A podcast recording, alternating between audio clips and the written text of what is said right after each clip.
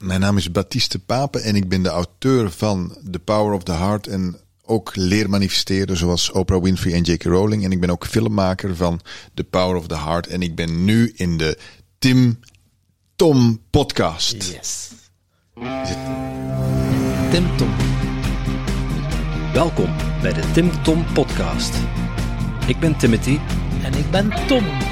Samen zijn wij jouw GPS naar geluk en succes.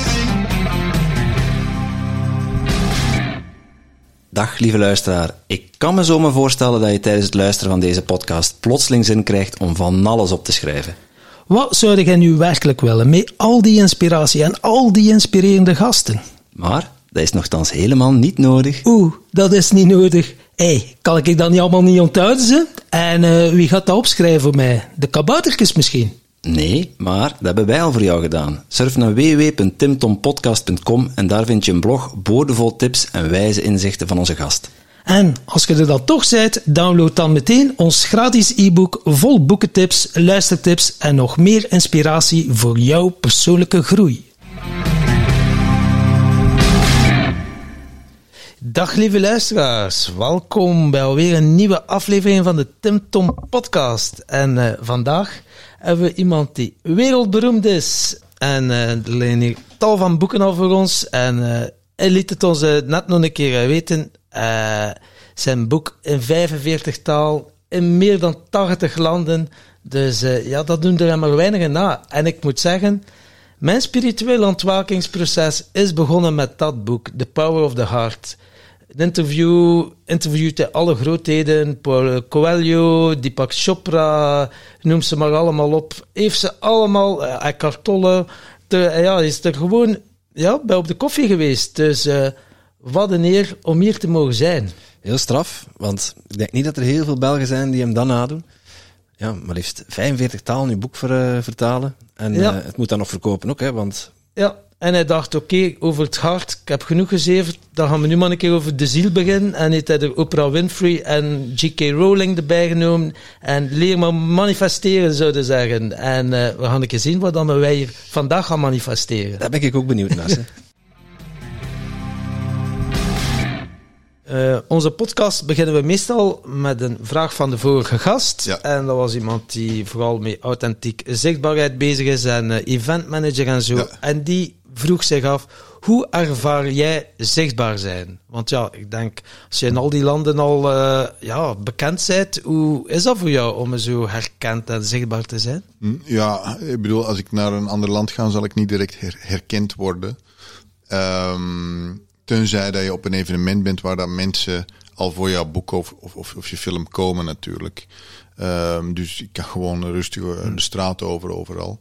Um, dus ik heb daar natuurlijk helemaal geen last van. Zichtbaarheid is denk ik meer op social media belangrijk. Mhm. Mm -hmm. um, zichtbaarheid is iets uh, wat er belangrijker en belangrijker wordt. Alleen zichtbaarheid wordt eigenlijk online zichtbaarheid tegenwoordig. Hè. Mm -hmm. uh, je kan rustig heel de dag op een kamer zitten, maar online allerlei dingen posten en content posten. En dan ben je toch zichtbaar, terwijl dat je uh, fysiek onzichtbaar bent. Ja. En, en, en hoe ervaar jij die zichtbaarheid? Uh, online bijvoorbeeld? Ja? Um, online, um, hoe ik die ervaar. Ja, ik merk, ik merk dat uh, nu dat mijn. Ik was bij Giel Belen, die jullie ook kennen. En die zei op een gegeven moment van. Um, ik kreeg kijkersvragen. En die kijkersvragen waren van ja, ineens is hij overal. Want ineens ja, ik doe eigenlijk bijna alle podcasts nu in Nederland. Uh, en hij uh, zei ja, dat komt omdat zijn nieuwe boek uit is. Want mijn, mijn vorige boek is in 2014 uitgekomen. Toen heb ik jaren in Amerika gezeten. En nu uh, is mijn boek uit Leer Manifesteren 2022, acht jaar later. Dus ik merk dat nu ineens die zichtbaarheid er terug is, terwijl dat ik toch eigenlijk een paar jaar een beetje uh, ja, in de loot uh, geleefd heb en andere dingen gedaan heb. Ja. ja. Mm -hmm. en, en ligt dat aan de aandacht die je er zelf aan gegeven hebt? Of wat, nee, wat dat is, dat is, je komt in een, in een rollercoaster terecht ineens. Uh, Power of the Heart is in, in 80 landen uitgebracht, in 45 talen. En ineens zit je eigenlijk drie, vier jaar alleen maar in Amerika te promoten. Ehm, dan zit je in een rollercoaster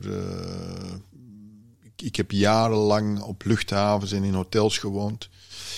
Ehm, dus ja, uh, dat is een rollercoaster. En ineens word je daar, val, ga je daaruit. In 2017, 2018 is het ineens opgehouden. Maar ik was ook wel toe aan rust toen. Want ik had drie, vier jaar Power of the Heart gepromoot. En dat was wel, wel heftig, ja. Het probleem is natuurlijk als je in zoveel landen zit, dat je ook overal constant naartoe kan. Hè. Kunt naar Rusland, je kunt naar Hongarije, je kunt naar Japan, je kunt naar uh, alle landen in Zuid-Amerika. En dan moet je kiezen tussen de grootste landen. Dus dan kies je voor Noord-Amerika, uh, Canada, Amerika, Duitsland, Frankrijk. Uh, dat zijn dan toch de keuzes die je maakt. Ja. Dus ja, je wordt een beetje slaaf van je succes dan, of van je Ja, boek. absoluut. Je, wordt, Ja. je zit op een trein en je kan er niet meer afspringen. En nu komt mijn volgende boek, zijn we toch ook serieus bezig om het in de rest van de wereld uit te brengen. Dan zou je ook nog, nog een slaaf van je succes kunnen worden, ja. Ja, ja. En, en, hoe belangrijk is die zichtbaarheid voor jou? Want we, we hadden net een voorbespreking kort er al over. Je wilde, voordat we starten, nog een, een filmpje online zetten. Dat vonden de mensen wel cool. Ja, een foto, ja. Een foto. Ja. Uh, maar hoe, hoe belangrijk is dat voor jou, die, die social media? Die zichtbaarheid? Ja, uh, superbelangrijk uh, in deze tijd. Omdat je op die manier toch overal tegelijkertijd kan zijn via social media. Je komt bij iedereen op de smartphone terecht. Dus ik probeer daar wel um, toch veel aan te doen. Ik heb gemerkt dat uh, met alles wat ik doe, ook de cursussen die dat ik doe, als ik post, ja, daar komt geweldig veel uh, reactie op. Zeker nu, zeker nu uh, dat mijn boek uit is. Uh, ja, dus ik kan daar niet omheen in deze tijd. En je doet het nog allemaal zelf, want ja, veel van die uh, topspelers of noem maar op, die besteden hun social media uit en die... Uh... ja, ik heb, ik heb wel, ik heb voor alles, ik heb verschillende dingen die dat ik doe. Ik doe remote viewing, uh, daar heb ik een team voor.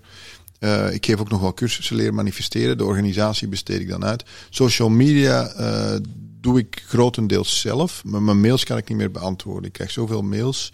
Uh, ja, dat zijn ook periodes. Er zijn periodes dat ik mijn mails wel zelf kan beantwoorden. Maar nu bijvoorbeeld niet, omdat het gewoon te veel is. Um, dus dat is uh, lastig. Um, maar ik heb overal wel een team voor. Ook voor mijn, mijn boek uh, heb ik een, een, een team. Ik, ik, doe, doe alles uh, met, met twee vrienden. Uh, die ook mee, mee de Power of the Heart gedaan hebben. Delen productie van de film en het boek en zo. En die tweede boek doe ik ook met hen.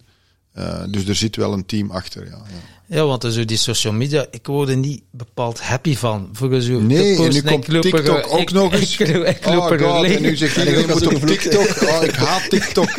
ik, uh, TikTok... Uh, je wordt er getiktokt van. Ik ja. word er uh, getikt van, ja. ja, ja, ja. Ja, ja, inderdaad. Maar uh, Power of the Heart, ja, dat was uh, jouw succes. Maar voordat Power of the Heart is uitgekomen, ja, weinige mensen zullen het misschien weten, maar je had een heel andere carrière voor ogen. Ja, niet voor ogen. Ik denk dat het een klein beetje een programma was. Uh, om, om, om rechten te gaan studeren. Het was economie, rechten of geneeskunde. Hm. Um, en uiteindelijk is het dan uh, rechten geworden. En ja, dan kom je natuurlijk in het parcours terecht waarin dat je de advocatuur in wilt. Dus dat heb ik even geprobeerd. Alleen, ja, het, er is een energie die dat dan niet wilde. En daar moet je ook naar luisteren. Mijn energie wilde dit doen. dit is veel leuker. Um, ook wel moet je natuurlijk in feite, als je de advocatuur ingaat, dan kom je in een traject terecht en dan hoef je moet je wel hard werken, maar je hoeft niet te veel na te denken. En dit, als je dit, dit soort dingen wil opzetten, moet je natuurlijk ook je ondernemerschap heel erg aanspreken. Uh, dus uh, ja, dit is eigenlijk veel moeilijker.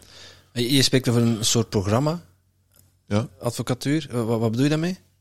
Ja, kijk, als je, als je rechten studeert, dan, uh, krijg je staatsrecht en uh, alle, ik, heb, ik heb Nederlands recht gestudeerd, dus niet hier in België. Ik heb in Nederland gestudeerd. Uh, dan kom je in die zin in een programma terecht. Dat je, ja, je, je, je gaat een, een, stage doen en dan krijg je een, een traject en dan word je advocaat stagiair. En, en dan is eigenlijk het programma dat je uiteindelijk partner of compagnon wilt worden in een groot uh, kantoor. Hè. In, in, in, in, Nederland is dat de Zuidas. Er zitten eigenlijk alle grote internationale kantoren. Amsterdam, ja. In Amsterdam, ja de Amsterdamse Zuidas. Dus dat is een, een, een soort programma waar je inkomt. Uh, maar zeker bij de, bij de echte grote kantoren. Ik overdrijf een klein beetje, maar het komt er wel toch ook wel op neer. Zit je toch wel. Uh, ja, dat, dat, is, dat is een lifestyle. Hè? Zeker als je partner wil worden en ook wil worden. Uh, en, en, dus ik heb vrienden die daar zitten. Ja, dat is. En als je daar eenmaal in zit, um, kun je daar zeker ook uit. Ik heb ook vrienden die daaruit zijn gegaan. Maar ik heb ook vrienden die er nog altijd in zitten. Um, maar dat is wel een bepaald, bepaalde manier van leven met heel veel druk en heel veel focus en heel veel toewijding aan het werk. En je wil natuurlijk toch wel partner of compagnon worden. Um, maar daar moet je dan dus wel voor kiezen, want dat wordt dan je leven, zeg maar. Ik denk dat het hoogst denkbare van mijn, uit mijn hoofd was van ja, ik, ik word compagnon bij een groot kantoor. Maar het hart of de ziel is veel ambitieuzer, blijkbaar. Ja. Je, je bent dan uiteindelijk uh, The Power of the Heart gaan schrijven, maar uh, kun je je nog herinneren wanneer dat kantelpunt kwam? Want je, je, had eigenlijk al een programma voor je. Je had je route, je carrière-route al uitgestippeld. Ja. Uh, compagnon worden bij een, bij een groot advocatenkantoor. Ja. Wanneer is dat kantelpunt bij jou gekomen? Ja, ik ben op een gegeven moment uh, echt wel op zoek gegaan naar mijn doel in het leven. En ik ben toen uh, gaan, uh, hoe vind je je doel in het leven? Want dat zit niet in ons onderwijs. Toen ben ik gaan googlen en ik vond een eh, video waar Oprah Winfrey in gesprek was met Eckhart Tolle. En de video begon met Oprah die zei: I think there's nothing more important than finding your purpose in life. Dus ik, ik denk dat er niks belangrijker is, is dan mijn doel in het je doel in het leven te vinden. En Eckhart Tolle, ik neem aan dat jullie weten wie dat, dat is, die zei... Yes, uh, but you cannot get there through thinking. Dus je kunt er niet via denken komen. Dus dat is wel heel interessant natuurlijk, het denken. Je kan er niet via het denken komen.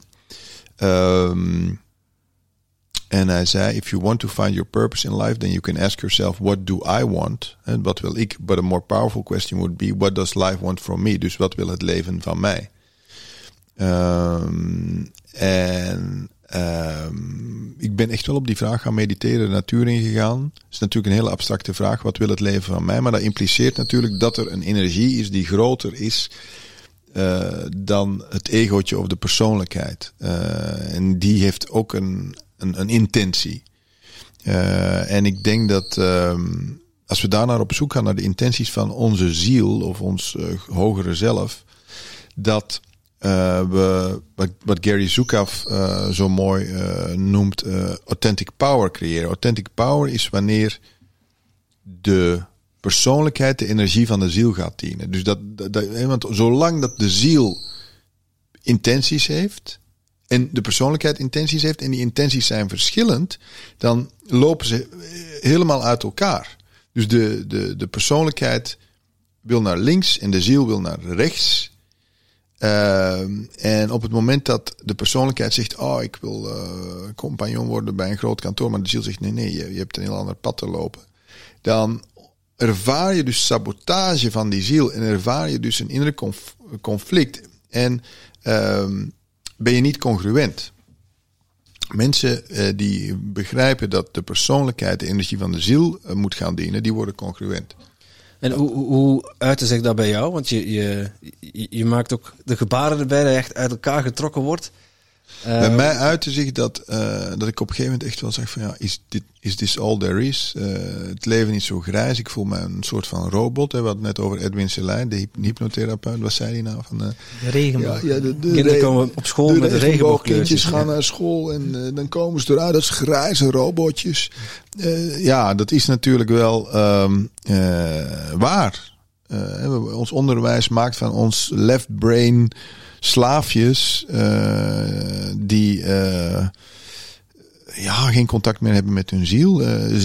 Het onderwijs van de ziel zou eigenlijk het belangrijkste onderwijs moeten zijn in ons educatiesysteem. Alleen er zijn natuurlijk ja, bepaalde krachten die ons systematisch willen houden en, en, en, en dienend aan het systeem. In plaats van dat wij zielen worden die creatief zijn en zelfstandig gaan nadenken.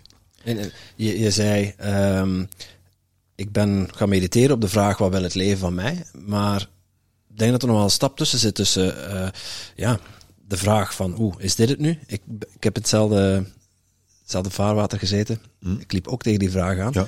Uh, maar er zit nog een verschil tussen diezelf die vraag afstellen, je ja. diep van binnen voelen dat er iets niet klopt. Ja. En gaan mediteren op de vraag wat wil het leven van mij? Ja. Hoe, mediteren is ook wel, wel iets meer richting de spirituele kant. En er staat toch wel een eindje af van de advocatuur, als ik me niet vergis. Tuurlijk. Dus het zijn twee verschillende werelden. Ehm, alleen de ziel is alles en de persoonlijkheid is maar een deel van wie we zijn. Dus uiteindelijk de vraag is natuurlijk van wil je afstemmen op wie je werkelijk bent of wil je afstemmen op een valse identiteit, de persoonlijkheid of het ego. En ehm, mijn ervaring is wanneer je 100% committeert, dan komen de antwoorden. Dus als je echt iets wil weten, dan komen de antwoorden. Dus ik, ik wilde die vraag echt weten. Ik ben in, in het, uh, het bos gegaan, in het park. Um, en ik heb daar heel lang op gemediteerd tot er een antwoord kwam. En toen dat antwoord kwam, toen voelde het zo sterk eigenlijk als verliefd worden. Er kwam een energie over me heen en die was zo sterk en zo overweldigend. En het voelde als thuiskomen. En op het moment dat je dat ervaart, dan weet je dat je goed zit. Alles wat voelt als thuiskomen, als ja, dit klopt, als flow, dat is de ziel die tegenspreekt. De ziel heeft een energie, heeft een intelligentie en die spreekt constant tegen ons. En die intelligentie die is holistisch. Die intelligentie overstijgt het lineaire, rationele, het logische. hoe moet je de intelligentie van de ziel zien? Wanneer je op een boot op een rivier zit en je bent alleen maar de persoonlijkheid. De persoonlijkheid kan alleen maar de eerstvolgende bocht van de rivier zien. Maar die intelligentie van de ziel, die ziet alles vanuit vogelvluchtperspectief. Dus die ziet de hele rivier van bron naar de zee. Alleen, hoe leren wij daarop te vertrouwen? We leren daarop te vertrouwen door te experimenteren met die energie. Telkens als we beslissingen moeten maken, kunnen we kijken naar alle voor- en nadelen en die tegen elkaar afwegen. Maar we kunnen ook kijken van hoe voelt het? Hoe voelt het? Hoe voelt het als ik links ga? Hoe voelt het als ik rechts ga? Hoe voelt die energie? Uh, als ik. Uh, als ik uh, deze beslissing maak, energetisch, die energie van die ziel is een intelligentie en daar moeten we mee leren werken. Alleen dat leren we niet op school. Dus je zat er onder een boom eh, te mediteren hè, met de vraag: wat wil het leven van mij? nee, ik, was, ik was aan het wandelen. Of aan het wandelen. En, dan was er ineens, en dat was dan ineens een stem dat zei van: Baptiste, jij gaat nu een boek schrijven over het hart, of kreeg je een beeld? Of, of iets het, was, het was hier in het park van Braschaat. Um, uh, was ik gaan wandelen uh, en ik, ik liep gewoon met de vraag: wat wil het leven van mij? Wat wil het leven van mij? Wat wil het leven van mij? En er gebeurde natuurlijk helemaal niks. En op een gegeven moment dacht ik, kan ik er Tolle een uh, mail schrijven dat dit niet werkt. Hè? Want die zei van, hè, dat is de vraag die je moet stellen, wat wil het leven van mij? En op een gegeven moment begon het keihard te regenen. En het stopte eigenlijk niet meer regenen. Um, en ik zocht uh, een aantal bomen om onder te schuilen. En toen ik onder een van die bomen stond, voelde ik ineens een soort van precies of ik een hartaanval had. Ik voelde alsof er een bot was in mijn hart en het brak. En ik voelde heel veel pijn in mijn hart. En ik dacht, uh, shit, ik dacht echt dat ik ging sterven. En ik dacht, oh, dat is waarschijnlijk het antwoord op de vraag, wat wil het leven van mij? Boom, het is voorbij. En uh, als ik het gevoel nogmaals moet beschrijven, het was precies alsof er een bot in mijn hart zat en dat brak. En toen daarna voelde ik dat er een energie over me heen kwam. En dat was een energie van liefde, van thuiskomen. Uh, ja, Grace. Uh, en uh, op dat moment, toen ik die energie voelde, als een download kwam het idee, je moet een film over het hart maken. Dus ik stond daar onder die boom in de regen, halleluja, halleluja. Ik moet een film over het hart maken. En ja, dat was zo sterk. Dat was zo overweldigend. Um, en ik was zo blij. Ik denk voor tien minuten. En dan ineens, hè, want ik dacht, ah, ik heb mijn doel gewoon, ik moet de film over het hart maken. En toen ineens, mijn hoofd kwam ineens en mijn hoofd zei, oh, je bent zot geworden natuurlijk. En mijn hoofd zei, ja, je bent, uh, je, bent jurist, dus je weet niks over het hart. Ja, nog zeven jaar studeren voor, voor hartchirurgie, dat is ja, een beetje ja. overdreven. En mijn hoofd zei ook, ja, je weet niks van filmproductie. Uh, en, en, maar die energie was zo sterk. En toen dacht ik aan wat Martin Luther King had gezegd. Hey, you don't have to see the whole staircase, just take the first step. En ik denk dat dat wel uh, een hele sterke uh, aanwijzing was op dat moment. Die energie die, dat ik voelde. Ik dacht van, ik heb altijd braaf mijn hoofd gevolgd. Laat ik nu eens die energie volgen. En dit is het resultaat wat hier op tafel ligt. Die boeken, de films. Ja. Eh, dus eh, ik denk dat die energie een intelligentie is die het denken overstijgt, die gekoppeld is aan uw werkelijke identiteit. Eh, een energie die, die wij niet krijgen in ons onderwijs, hè, waar we geen kennis over krijgen. En ik, mijn boodschap is eigenlijk dat je naar die energie moet luisteren, dat die energie een intelligentie is en dat die energie ehm, weet waarom dat je hier bent en dat die energie ook weet wat uw eh, soul signature is. Hè. Dus iedereen heeft een eigen element. Hè. Dus een vogel moet vliegen, een vis moet zwemmen. Ja? Ehm, jij, Tim, jij hebt ook een, een, een, een blueprint, een imprint van wat jij moet doen. En jij ook. Alleen het probleem is, wanneer dat we geboren worden, krijgen we niet de handleiding. Dus hoe komen we daarachter? We komen daarachter door ons hart te openen en contact te ma- maken met die energie. Want eh, zolang we in dat hoofd zitten, dan zitten we dus in een programma van, oh, ik denk dat ik dat moet doen. Ik moet postbode worden, of ik moet dokter worden, of ik moet advocaat worden, of whatever. Maar dat is niet de imprint die dat we hebben. En we kunnen alleen achter die imprint geraken, er contact mee maken wanneer dat we ons hart openen. En dan ineens wordt het duidelijk. J.K. Rowling wist dat ze moest schrijven. Alleen dat duurde jarenlang. Ze moest eerst in een crisis komen voordat ze dat wist. Oprah Winfrey is geboren in Mississippi. Eh, the most racist state at the time. Eh, haar, haar- moeder, haar moeder was een meid, haar grootmoeder was een meid. En ze waren heel arm en ze voelden al, ik heb niet veel om voor te leven. En ze zei dus al op hele jong, jonge leeftijd, God, I don't have a lot to live for, but use me, use me, gebruik mij, gebruik mij. Dus wij staan er niet bij stil dat Oprah Winfrey een hele slechte startpositie had, J.K. Rowling ook.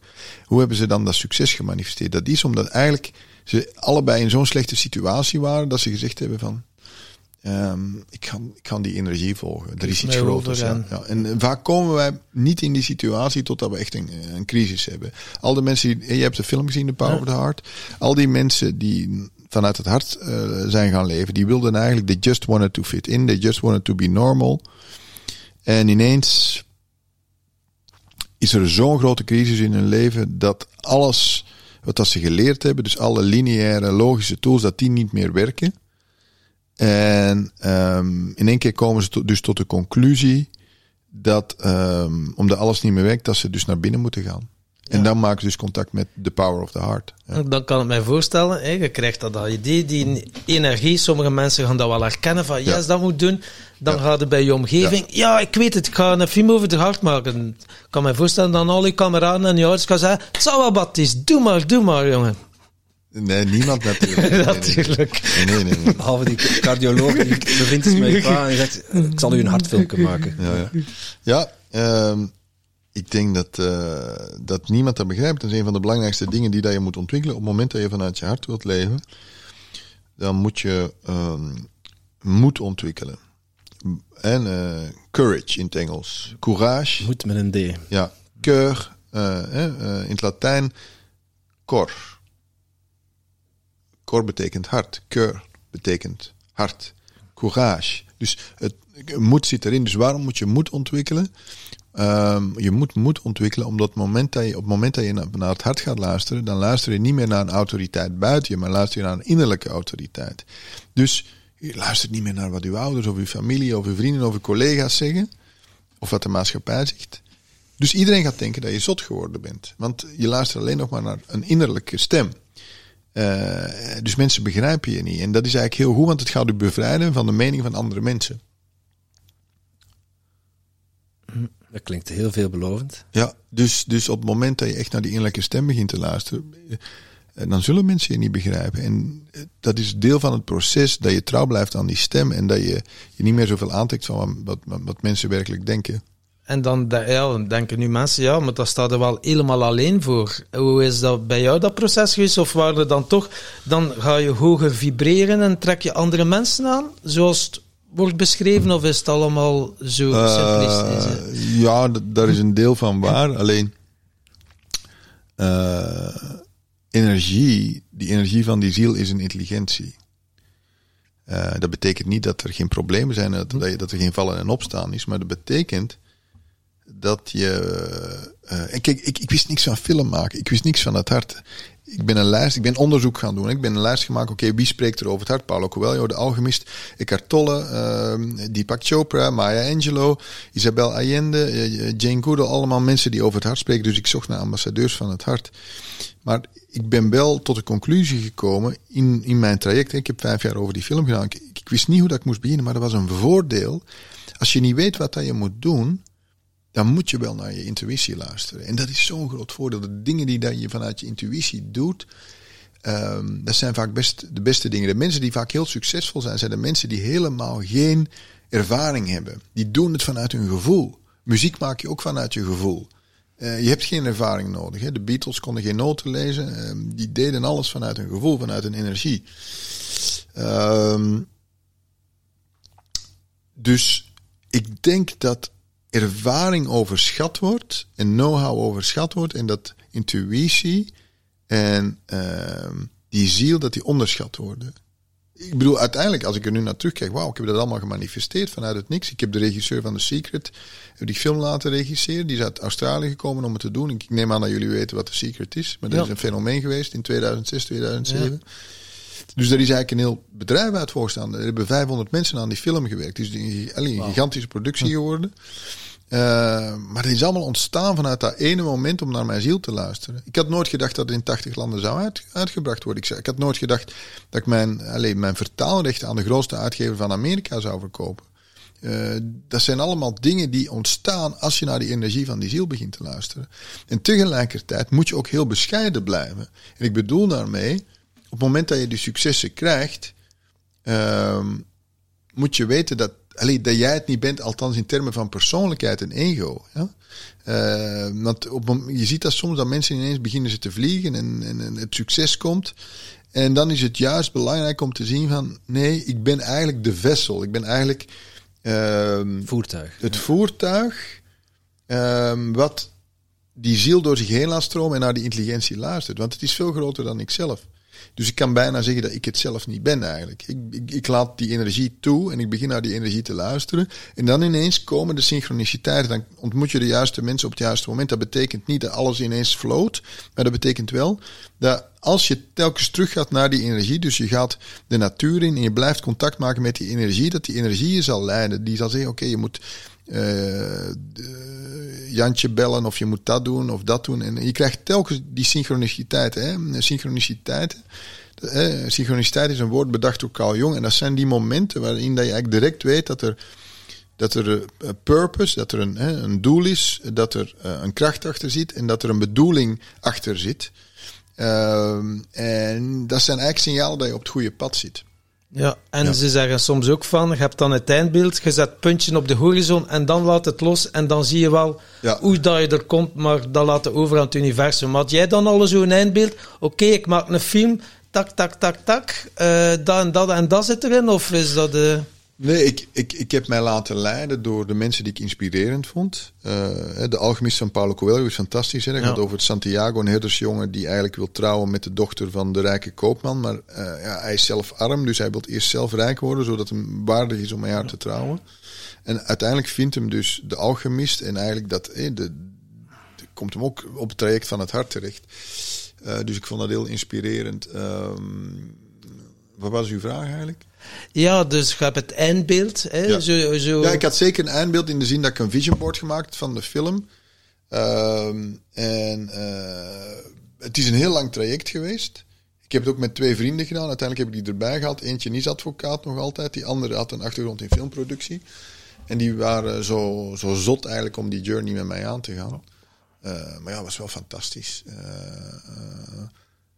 ik had het er gisteren nog over met, met die ene vriend nog altijd advocaat. Die zegt uiteindelijk, als je ziet wat, wat wij meegemaakt hebben. Op een gegeven moment waren we op 13 mei 2013 waren wij in New York. En toen hebben we de wereldrechten verkocht aan Simon Schuster.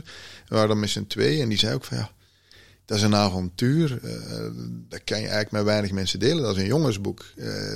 Dat, dus uh, in het begin was hij echt van, we zijn wij, zijn wij gek geworden. Een film over het hart maken. Maar uiteindelijk ziet hij ook van, er is een energie, er is een stroom. En nu anno 2022 is er nog veel meer interesse. Dus ik heb wat ik, er is Power of the Heart is helemaal uitverkocht in Nederland en België. We zitten nu aan een nieuwe druk, om, omdat er ineens zoveel meer mensen hiermee bezig zijn dan acht jaar geleden. En denk je dan dat, eh, ja, om het dan heel eh, simplistisch te zeggen, dat COVID daar ook iets mee te maken heeft? Dat veel meer mensen wakker zijn geworden of ja, ik denk spiritueel het aan wel. het veel, ontwaken? men- veel mensen zitten natuurlijk thuis en dan zitten ze eerst naar hun navel te staren. En ineens beginnen ze van ja, ik zal eens iets hoger gaan naar mijn hart. Ik zal eens naar binnen gaan. Waarom ben ik hier? Wat doe ik hier? Eh, is er niet, dus soms hebben ze geen job meer of zijn ze hun job kwijt. Of, de, of ze werken in de horeca en ze kunnen niet meer eh, werken. Of ze zijn bang om, om alles nog te verliezen. Dus mensen gaan nu meer naar binnen. Dus ik denk ja, de power of the heart is natuurlijk ideaal nu omdat het eh, altijd in crisis is dat mensen naar binnen gaan. En heel veel mensen zitten natuurlijk moeilijk. Hè? Het is economisch moeilijk. Dus de power of the heart is op dat moment gewoon eh, super. Ja. Ja, wij zeggen, eh, we hadden zo laatst een tweedaags event georganiseerd. De reis van 37 centimeter en half naar beneden. Dus van je Ja. hoofd naar je hart. Eh, wat tips heb jij voor onze luisteraars? Hoe raak je, van je vanuit je hoofd naar je hart? Ik heb er heel veel. eh, maar eh, the longest journey you will ever have is from your head to your heart. And it's not because it takes time, ehm, maar ehm, waarom is het zo moeilijk? Ik denk dat het te maken heeft met noodzaak. Als je echt moet, dan kunnen we het allemaal. Ja? Het heeft ook met ev- evolutie te maken. Hè? Eh, er is een heel goed boek, eh, The Seed of the Soul, van, van Gary Zukav, De Zetel van de Ziel. Ehm, en hij beschrijft er eigenlijk eh, in dat onze reis naar de ziel, en het hart is dan de zetel van de ziel, in feite te maken heeft met eh, onze evolutie als, eh, als, als, als, men, als mensheid. Ja? Dus we evolueren van, oh, ik ben het lichaam, naar, oh, ik ben een ziel. Eh, dat is mijn echte identiteit. En het lichaam is waar ik tijdelijk woon eigenlijk. Dus wanneer dat ik sterf, verlaat mijn ziel mijn lichaam. Ik denk dat dat een, een, een, een, een evolutionaire stap is. Ehm, hoe komen we bij het hart terecht? Ehm, je komt pas bij het hart terecht als je daar eigenlijk door het leven toe gedwongen wordt. Want ik, de mensen die, die nu een goed leven hebben en niet bij het hart zijn, die, die luisteren hier niet eens naar. Het is meestal door een crisis dat je echt gedwongen wordt om naar dat hart te gaan luisteren. En wanneer je het eenmaal ervaren hebt, dan wil je daarnaar teruggaan. Alleen je moet wel elke dag de keuze maken om naar het hart te gaan. Maya Angelou zei het heel mooi. Every day you go to the heart. Every day you say teach me. Every day you say show me. Dus ik moet ochtends... Allee, als ik ochtends opsta, ik ben nu koffie aan het drinken. Eh, Het is redelijk vroeg. Eh, Het was vanavond, gisteravond heel laat. Eh, dan ben ik niet met hart bezig. Ik heb ook nog niet de tijd gehad om vanochtend een meditatie te doen. Maar normaal gezien, als ik tijd Je heb... had, je had amper de tijd om te douchen te weten ook wel. Ja, ja, ja. ja, ja, ja. Ik- jullie waren hier eerder dan ik verwachtte. Ehm, dus ehm, ik moet elke dag daar tijd voor maken. Hè? Dus eh hartcoherentie is een staat en ze kunnen dit meten. Hè? Eh, eh, dat is van het instituut van HeartMath eh, in, in Californië. Je hebt de film gezien. Ehm, wanneer dat je in staat van hartcoherentie bent, en dat is een staat waarin dat we dus dankbaarheid en liefde ervaren, en ze kunnen dat meten, dan zendt het hart signalen naar het brein. En het linker en rechterbrein gaan meer open en gaan meer samenwerken. Dus hoe meer we in hartcoherentie zijn, dus hoe meer liefde en dankbaarheid we ervaren, hoe, en dit is meetbaar, hoe intelligenter we worden. En dat is ook logisch. Jullie zullen ook wel eens een, een test of een examen gehad hebben ergens en dat je goed gestudeerd had. En op het moment dat je eh, test en examen moest doen, had je wat stress zo. En tijdens die test wist je de antwoorden niet. En na, een, uur nadat de test gedaan was of zo, dan zit je thuis en denk shit, maar ik wist het. Dat komt omdat je dus nerveus bent en je bent dus niet in hartcoherentie. En dan sluit je brein een linker en rechterbrein. Dus hoe, meer dat we in angst en nervositeit zitten, hoe, hoe dommer we worden, hoe minder eh, onze hersencapaciteit gebruiken. Dus als je intelligent wil worden, dan moet je dus in hartcoherentie geraken. Want dan gebruik je dus eh, optimaal je, je breincapaciteit. En je liet al vallen ja, door te mediteren. Ja. En zijn er nog zo eh, tools? Ja, je hebt waarschijnlijk een hele gamma aan tools. Dankbaarheid, dankbaarheid eh, de natuur ingaan. Wat doe je graag? Wat doe jij graag? Maak jij muziek? Volgens mij maak jij muziek. Eh, er zijn er al verschillende die dat al hebben eh, gevraagd aan mij. En ik ben totaal niet muzikaal, maar ik maak wel podcasts. Eh. Dat doe ik, heel, vind ik heel leuk om te Eh, doen. Ja. Maar bijvoorbeeld dans je graag? Heb je muziek waar dat je graag... Wat doe je graag? Er zijn mensen die zeggen, ik dans graag of ik speel graag graag, muziek. Ja, goeie vraag. Ja. Wat doe ik eigenlijk graag? Eh, Behalve podcasten. Ja, mee filosoferen met gelijkgestemde mensen. Zoals nu, daar ga ik, van, daar ga ik op aan. Wel, dan kom je nu misschien in hardcore NC, ja. Ja, ja, ja, dan word ik happy. Dan kom ik in flow. Ja. En dan heb ik zoiets, dan staat precies een tijd stil. En dan heb ik zoiets van, wauw, dat is Ja. het gewoon. Dat Ja. is het gewoon het leven voor mij. Ja. Ja. Gewoon kunnen bijleren. Ja, ja, iemand die inspireert, ja, daar ga ik eh, volledig van op aan. Ja, sowieso. Wat ook interessant is, hè, je hebt de Power of the Heart gezien jaren geleden, denk ik. hè? Eh, jaren geleden, een jaar of vijf, zes, ja, klopt. Dus de film opent met het experiment van het HeartMath Instituut. En dit is gedaan in verschillende laboratoria over de hele wereld. Maar ze laten dus zien dat wanneer dat het hart eh, open is, dat het hart dus. Het hart hoeft niet eens open te zijn, maar dat het hart dus dingen kan zien voordat de ogen het kunnen waarnemen. Eh, dus dat is eigenlijk de wetenschappelijke verklaring voor intuïtie. Want ze laten dit zien in zoveel verschillende laboratoria. Dus het hart weet wat er gaat gebeuren voordat de ogen het kunnen zien. En als je ziet hoe dat intuïtieve informatie van de ziel bij ons komt. Het komt via het hart binnen, dan stuurt het hart het naar het brein. En dan stuurt het brein het terug naar het hart en dan naar de, naar, naar de rest van het lichaam. Heel veel mensen zeggen, ja, I don't feel it in my heart, I feel it in my gut. Of ik voel het in mijn onderbuik. Maar het komt dus eerst hier bij ons hart binnen. Vandaar ook dat het hart de zetel van de ziel is, omdat hier eerst die informatie binnenkomt. Ja. Wauw. Ja, die komt wel binnen. Ja, Ja. dat is inderdaad zo. Ja, waar voelt je intuïtie? Soms het in een buik, maar Ja. het is echt wel. eh, Ja. Dus het komt eerst hart, hoofd en dan gaat het naar de buik. En de rest van het lichaam. Wauw. Ja. Heel mooi. En, ehm, En, en voor mensen die niet bekend zijn met wat hardcoherentie is, kun je dat kort uitleggen? Ja, dus hartcoherentie is een staat waarin dat we eh, liefde en dankbaarheid ervaren. Dat kunnen ze meten. Dus ik, eh, we kunnen nu, we kunnen het even doen. Leg even uw hand op uw hart. Zo, ja. Maak het uit welke? Eh, wat? Welke? Maak het uit welke hand? Nee. Nee? Normaal gezien zou je zeggen, als je eh, je rechterhand en je hart zit hier. En voel even uw hart, voel uw hart. En wrijf er even over. En probeer even aan iets te denken wat dat je, ja, wat dat je een gevoel van liefde en dankbaarheid geeft. Dat kan uw kindje zijn, of dat kan uw huisdier zijn.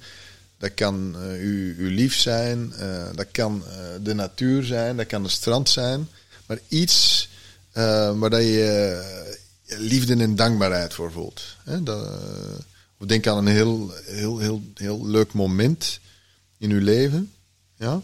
En ondertussen ehm, probeer je dat gevoel van liefde eigenlijk in uw hart te voelen. Dat gevoel van liefde en dankbaarheid. Dat gevoel van liefde en dankbaarheid, eh, probeer het in uw hart te voelen. En dan nu, wat we nu gaan doen is, we gaan eh, liefde inademen in het hart. En dan houden we het even vast in het hart. En dan ademen we liefde uit, zo. En hou dat moment vast van eh, of die persoon of, of dat ding waar, waar dat je dat liefdesgevoel van, van krijgt. En dan ademen we terug liefde in in het hart. Dan houden we vast. En dan ademen we terug uit. Liefde, ja. En we ademen terug liefde in in het hart. Dan houden we dat vast. En we ademen terug liefde uit. En we ademen terug liefde in in het hart. We houden het vast. We houden het vast. En we ademen terug uit.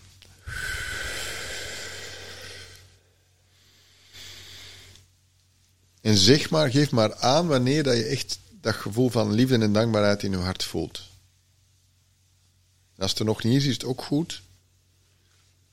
Maar we maken nu al contact. Gewoon al het feit dat we ons hand erop leggen en dat we erover wrijven, brengt ons al meer in hartcoherentie. En je hebt daar natuurlijk verschillende gradaties in. En als het goed is, begin je nu ook een soort tinteling in je brein te voelen. Alles begint hier meer geactiveerd te raken.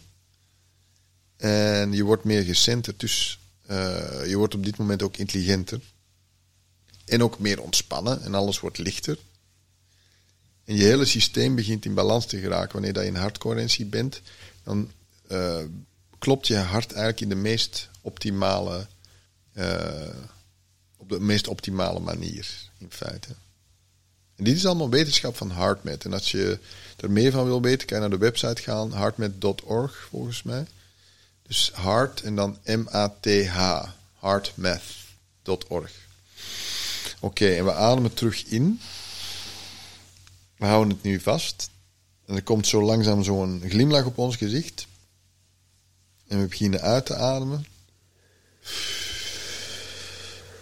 En als het goed is, moet er dan toch zo'n lichte tinteling in uw ogen komen. En voelen jullie iets? Of is het... Is Ja, het- is ja. het- ja? Ik voel Ja? zeker. Ja, Ik voel ook verschil, hè. Ik Ja? voel echt wel verschil. Ja? Wat voel je, Tim? Zo'n, eh, ja, pijn kan ik het niet noemen, maar zo, ik voel echt in mijn hart zo'n Ja. soort, ja, een pijn, Ja? zo zou ik het omschrijven, maar aangenaam. Aangename pijn, ja. ja. ja. ja, Begint er zoiets in je hoofd anders? Te, te- wordt het wel lichter in je hoofd? Of? Eh, ja, een beetje wel. Zo, zo, Mijn bewustzijn is verruimd. Ja, uw bewustzijn is verruimd. Dat is heel goed, ja. Op het moment dus dat we contact hebben met ons hart, verruimt ons bewustzijn. Waarom? Omdat dus dat brein open gaat. En we meer, en dan, als het brein open gaat, ontvangen we ook meer intuïtie.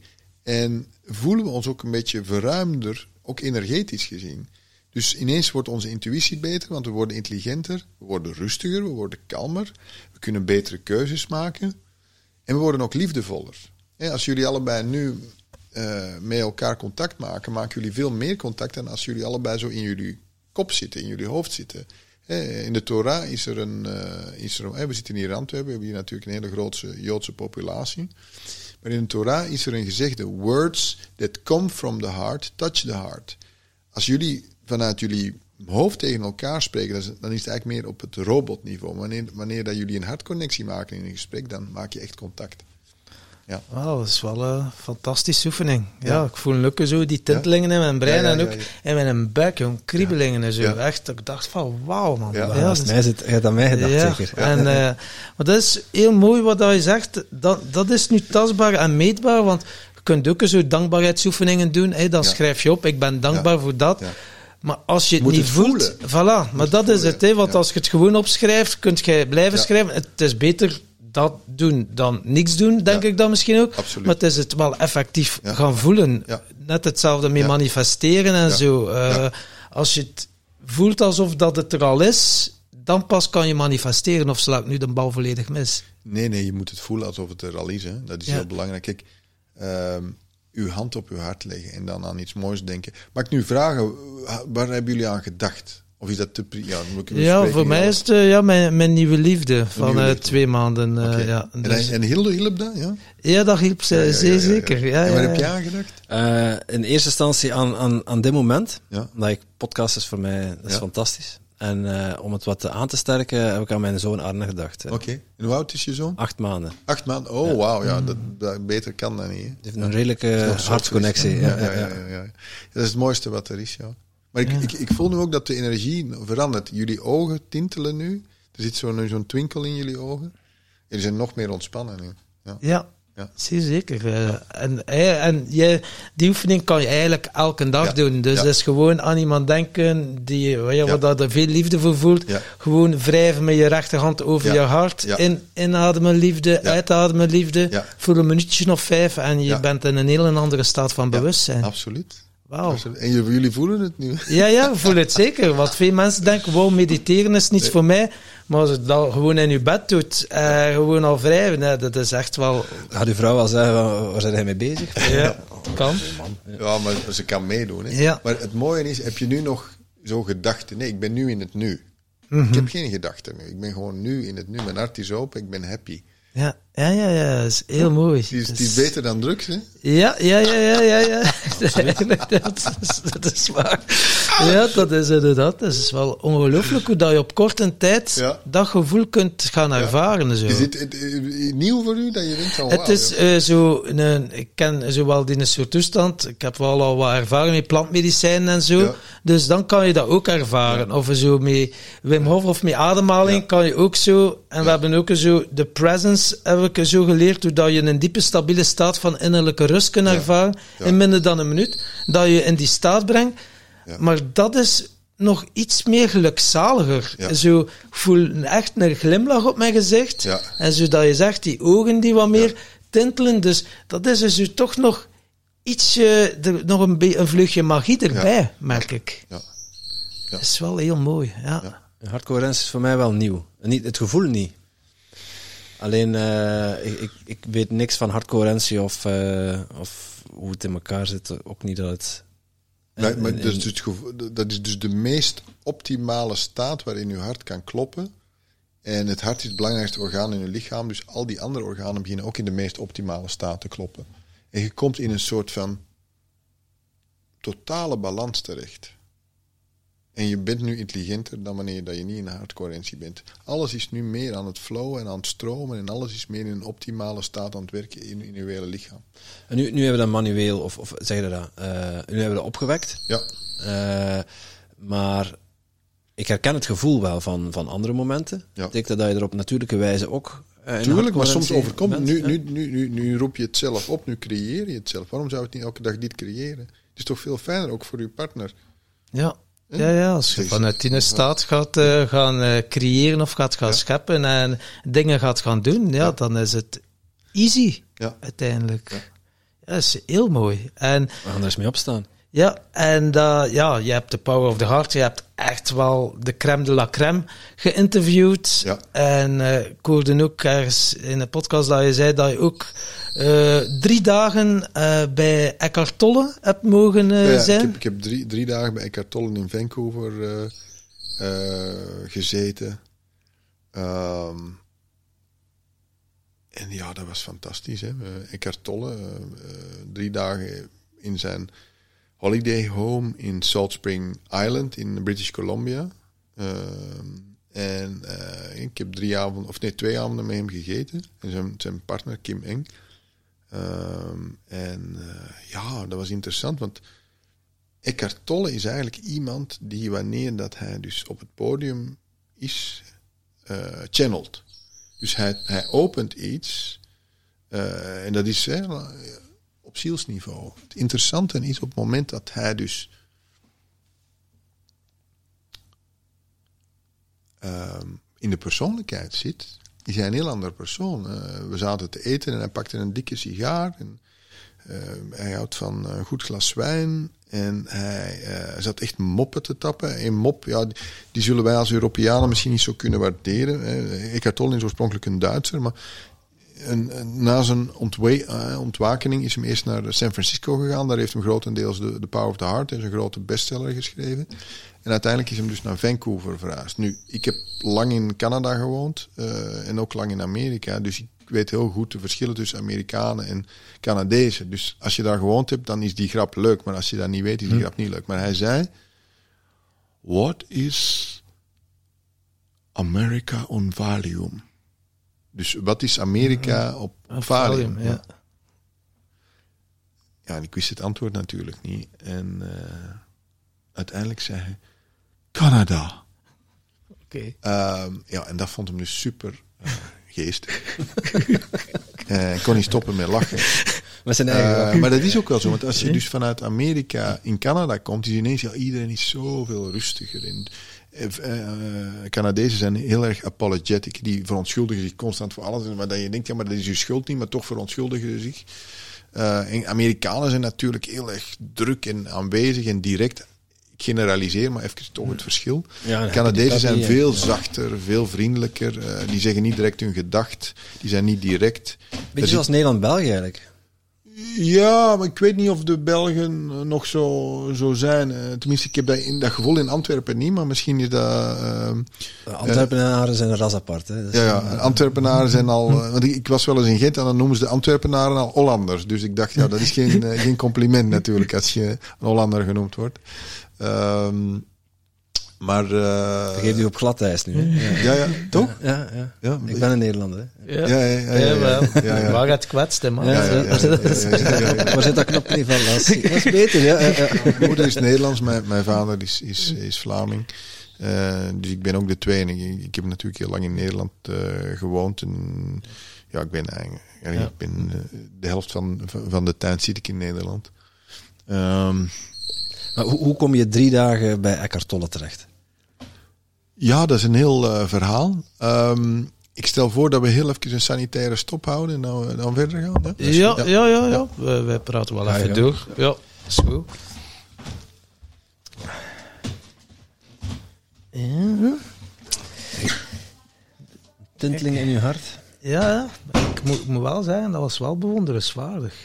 Zo, in het begin, oké, ja, als je dan nog zo de vlinders in je buik hebt, is het niet moeilijk om naar dat, naar dat gevoel, maar dan zo, dat werd echt wel eh, versterkt door erover eh, te wrijven. Hè. Gewoon zo een cirkelbeweging te maken en dat echt zo mijn brein effectief gelijk dat het verwoord, dat ervaren ik ook zo. En eh, dat is wel heel mooi.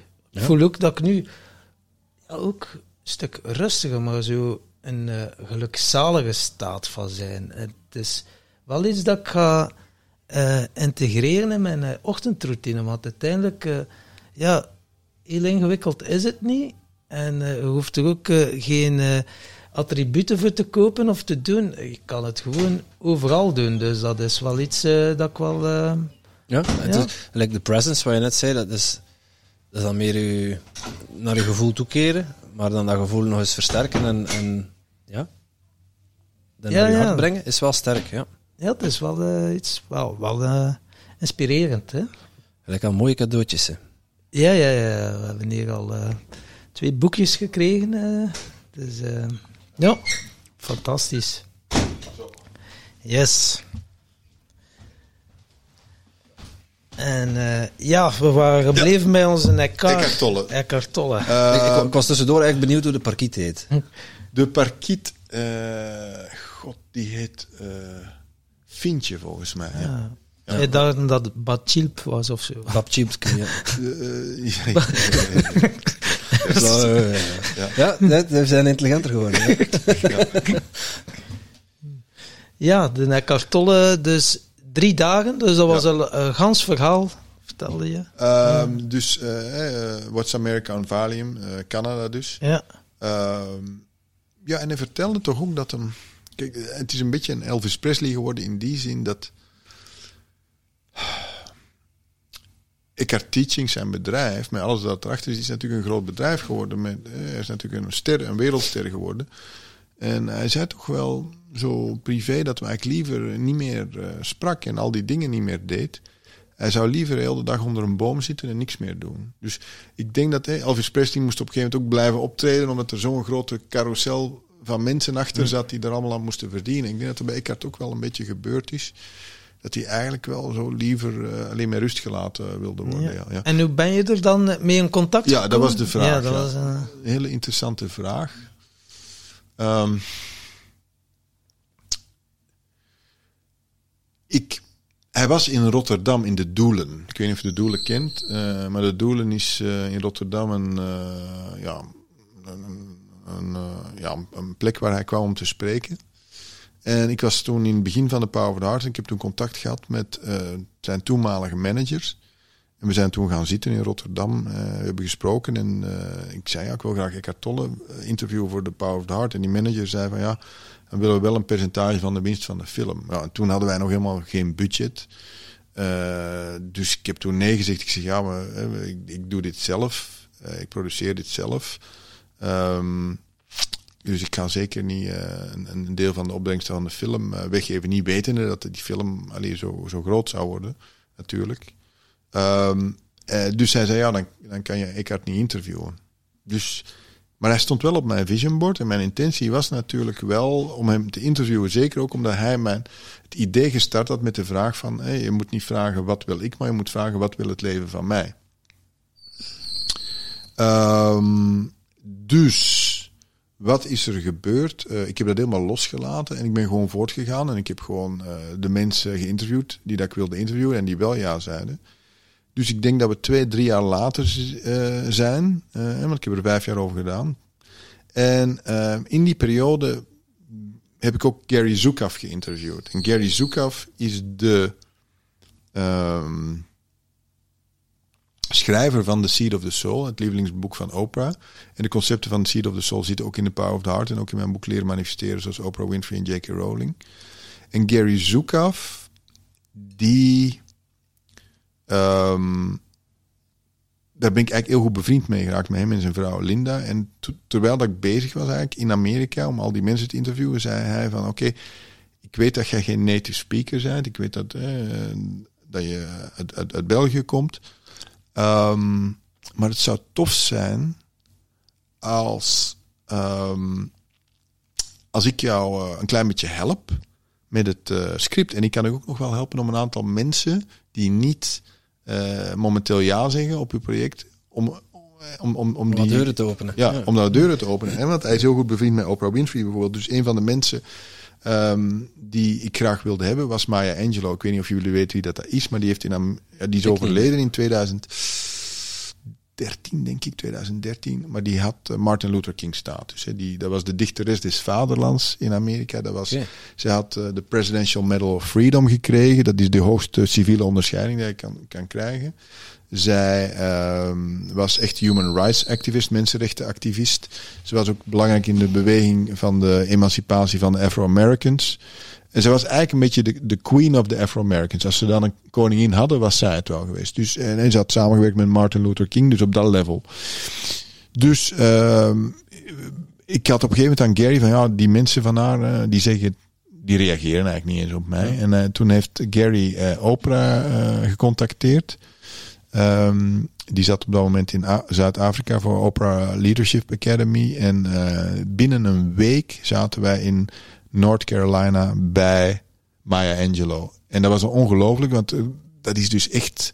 Ja, alleen als white boy from Europe kom je Ja. daar ineens aan en die poort gaat open. En dan komen echt van die grote Afro-American bodyguards uit. Hè? Ja, echt van die basketballers, hè? van die echte grote mannen. En eh, ik moest daar wachten, dus ik ging wel met die mannen babbelen. Maar ze waren super vriendelijk. Hè? Where are you from? Yeah, I'm from, from Europe, bla bla. En zij waren dus bodyguards geweest van Beyoncé en Jay-Z en Mick Jagger. Allee, ongelooflijk. Dus ik heb daar een, ik denk een half uur mee staan eh, babbelen, maar echt super tof. Ehm, en eh, Oprah had hen dus geregeld voor Maya Angelou. Eh, op een gegeven moment komt er een, een, een Afro-American vrouw naar buiten en die be- begint dus het protocol uit te leggen. Dus ehm, wacht tot zij hun hand geeft. ehm, spreek haar aan met dokter Maya, Dr. Angelo, dus niet Maya Angelo. Ehm, en eh, er waren dus een aantal dingen. Hè. We moesten wachten tot zij ging spreken, tot ons en allee, al dat soort dingen. Alsof je op audiëntie ging. ja, het was echt eh, op audiëntie bij de Afro-American Queen. Ehm, het raar, alleen het mooie was, eh, ze, ze kwam binnen en ze was eh hooked to een oxygen tank. Dus ze zat, eh, er kwam zo iemand achter en er zat twee van die dingen in haar neus, zo'n zuurstoftank. En ze kwam zo met zo'n rollator binnen en ze had een zonnebril op. Ehm, en je voelde al dat die vrouw wel aan het einde van haar leven was. En dat ze toch dat interview wilde doen. Een aantal maanden later was ze ook dood. Dus dat is heel bijzonder dat ik dat sowieso heb kunnen doen. Maar ehm, ja, dat was een bom van energie. Dat was echt een big soul die daar binnenkomt. Sommige mensen hebben een big soul. En zij had dat ook. Wayne Dyer had dat ook. Eh, dat is gewoon, er komt iemand binnen en dan, oh. En zij had dat, ook al zat ze in de laatste maanden van haar leven. En eh, daarna zo lief en zo. Dus dat protocol was in mijn ogen helemaal niet. Allee, zij was helemaal niet van het protocol, maar dat was gewoon misschien om haar te beschermen. Ook om even te laten zien wat haar status was. Eh, maar daarna zijn we bij haar na het interview op de eh, keukentafel, eh, bij, rond de keu- keukentafel gaan zitten. niet alles te weten. Hè. Rond de keukentafel gaan zitten. En ze schreef ook heel veel kookboe- kookboeken. En ja, het was een hele toffe. De nabespreking Warme vrouw, ja. Nog toffer dan ja, ja, het interview. ja, ja, ja. En dan, ja, je, je- dan was je bij Dr. Angelou te gast geweest. Ja. En dat zet jouw status dan misschien ook wel voor andere, voor andere grote, grote namen misschien wel onder de... Ja, dus, dus even door naar Eckhart Tolle. Hè. Ehm, eh, Paolo Coelho heeft ook eh heel tijd nee gezegd. Ehm, tot ik op het idee kwam van wacht, ik ga een mail sturen naar Paolo Coelho. En niet wetende dat hij fan was van Gary Zukav. Maar wel gezegd dat ja, eh, we willen nu graag interviewen. Maar dan zullen we Gary Zukav meenemen. En binnen twee minuten kreeg ik een mail van hem terug. Van Paulo Coelho zelf. Ja, als je Gary, eh, Gary meeneemt, dan mag je mij interviewen. Want ik ben heel groot fan van zijn boek The Seed of the Soul. Dus zo zie je dus hoe dat die dingen lopen. Maar dat was, ik wist dat niet, maar dat was gewoon puur mijn intuïtie. eh, die daarmee kwam. Maar even terug naar het verhaal van Eckhart Tolle. Dus ik raak bevriend met Gary. Uh, Gary helpt mij. Gary helpt mij ook met de, de, ontwikkeling van het script en het boek, The Power of the Heart. Uh, en uh, Gary zei van ja, uh, die heeft had een mooie property in, in, in Ashland in Oregon. Oregon is een staat in Amerika. Dat is naast Californië. En hij zei: um, Ik heb hier een cottage. Alleen zo'n, zo'n hoe noemen we dat cottage in het. een huisje. Ja, een huisje. Ja. Een huisje op. op en Sheeten, ja, ja er, zat een, er zat een keuken in, een badkamer, alles zat erin. Ja, geen keuken trouwens, maar wel een badkamer. Um, maar um, hij zei van oké, uh, je kan hier zitten tijdens de productie en de, de, de, scriptontwikkeling eigenlijk. En dus we zijn heel goed bevriend geraakt. Dus ik heb dat werd eigenlijk een beetje mijn uitvalsbasis um, voor twee jaar. Uh, en via Gary hebben we natuurlijk heel veel namen nog aan boord gekregen. En het interessante was dat um, op een gegeven moment Eckhart Tolle moest spreken bij Google, volgens mij. En Eckhart woont in Vancouver en hij ging met zijn oude Jaguar van Vancouver naar de Bay Area, waar hij Google zit. En dan moet je dus door uh, Washington State, dan ga je de grens over, dan kom je, uh, dus dan ben je dus in, in, in British Columbia, Canada, ga je de grens over, kom je in Washington State, de volgende staat is Oregon en dan Californië. Recht van noord naar zuid. Ja, ja dus dat is echt een, een tour langs de westkust. En hij deed dat dus met zijn partner Kim Eng. En toen dat ze terugkwamen van Google, maakten ze dus terug een stop in Oregon bij Gary.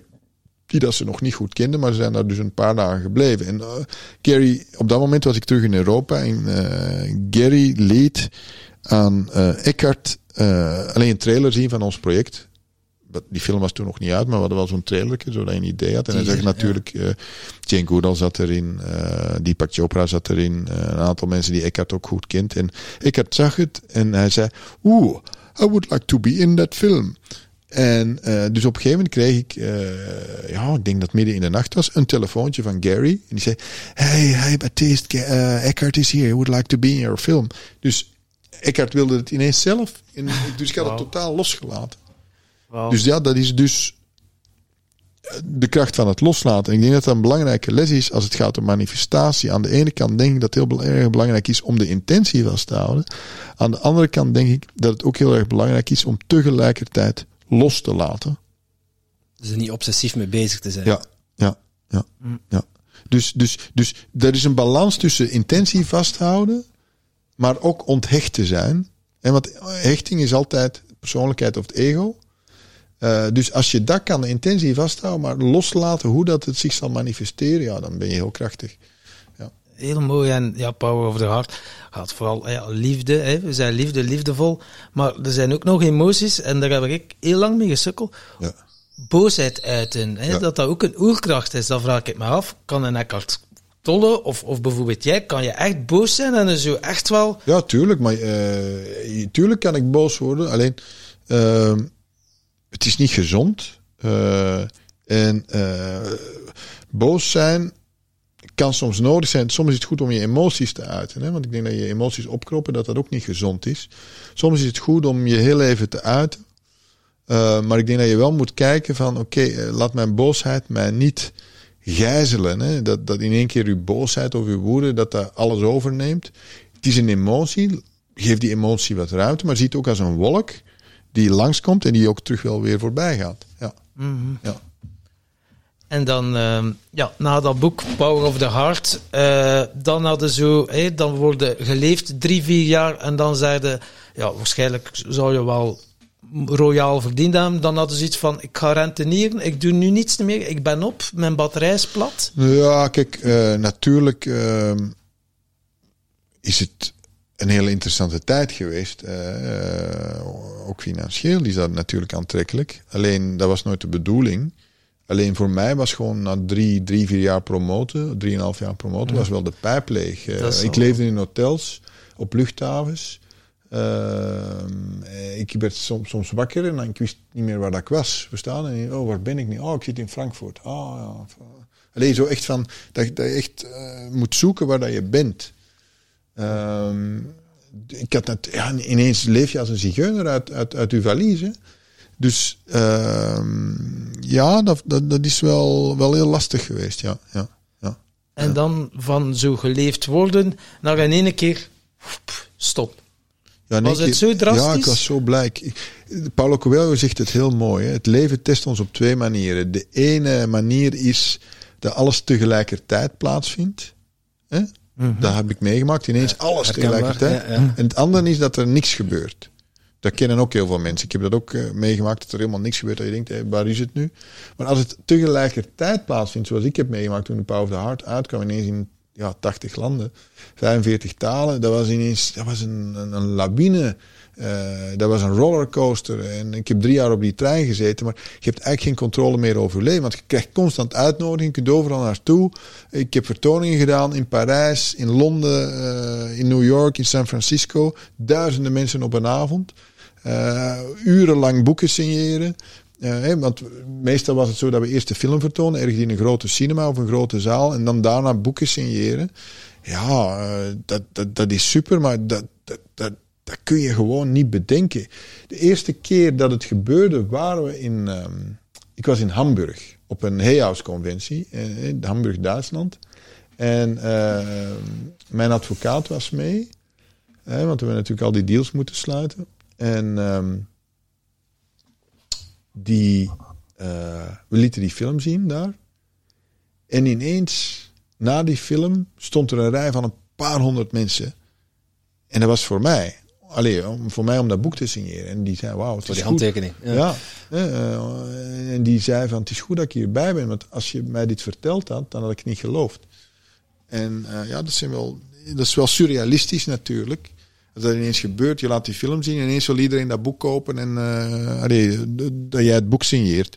Ja. Dat, dat- die film heeft natuurlijk eh, het succes gebracht. Want het boek was eerst en daar, Nee, het was tegelijkertijd. het is tegelijkertijd. Alleen, ik had Ja. nooit het idee om een boek te schrijven. Alleen wat is er gebeurd? Jij Want wil een film maken. ja. ja, het idee, de download was ik wil een film maken, maar wat is er gebeurd? Ehm, bijvoorbeeld, ik ben, eh, ben, ben een dag bij Paulo Coelho geweest en drie dagen bij Eckhart Tolle. Ja, als wij drie dagen bij Eckhart Tolle zijn, dan hebben we denk ik wel, ik denk dat we toch eh, acht of tien uur aan materiaal hadden. Eh, gefilmd. En ja, en die film gaat alleen maar 90 minuten zijn. Dus je pakt maar hele kleine stukjes eruit. Ik dacht, ja, hoe kan ik meer delen door een boek te schrijven? Dus in het boek zit eigenlijk veel meer informatie. Maar heel veel mensen die de film zien, die zeggen, oh, ik wil meer weten. En daardoor is dat boek denk ik ook een succes geworden. Mhm. Ja.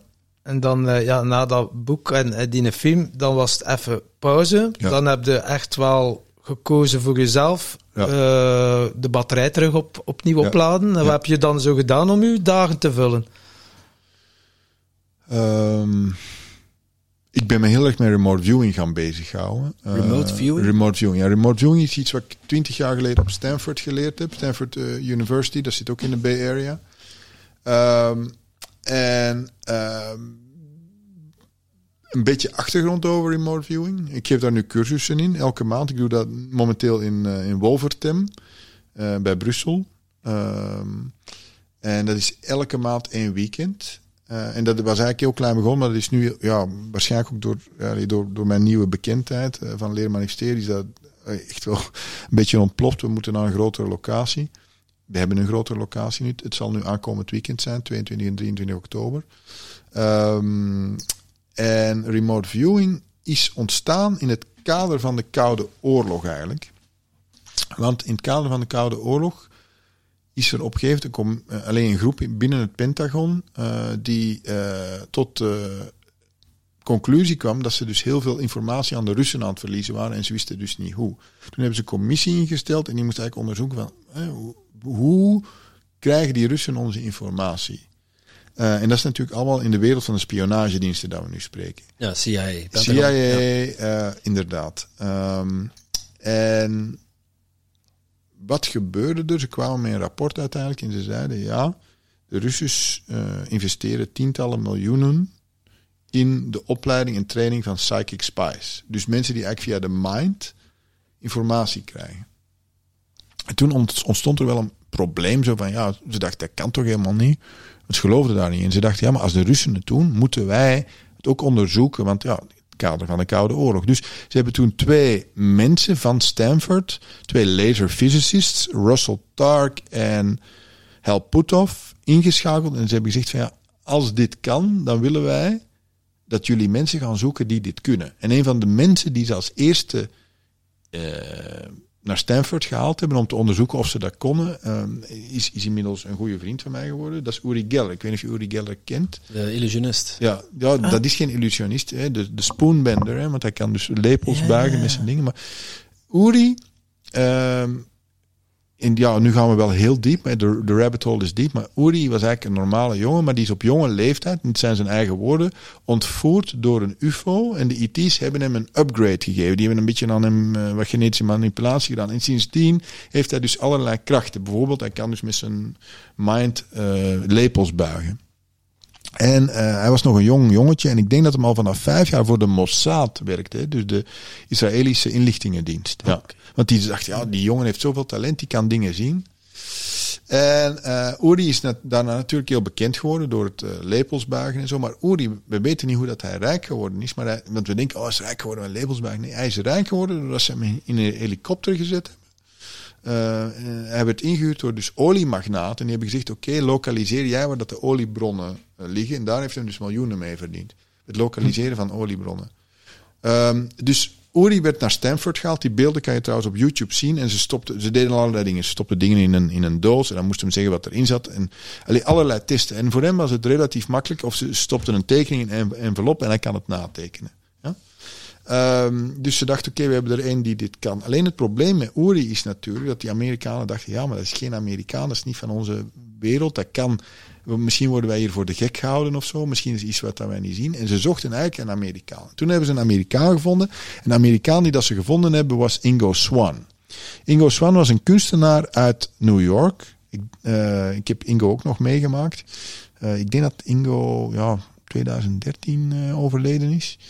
En ehm, die is ook naar Stanford gehaald. En het bleek dus dat Ingo alles kon. Hè, dus eh, ze deden iets in de kamer hiernaast en hij wist wat het was. Ze deden iets in een doos en hij wist wat het was. Ze, ze, zaten hè, dus op Stanford en ze belden naar het Pentagon. Nou, kun je iets in een doos doen? Ze deden dat in het Pentagon.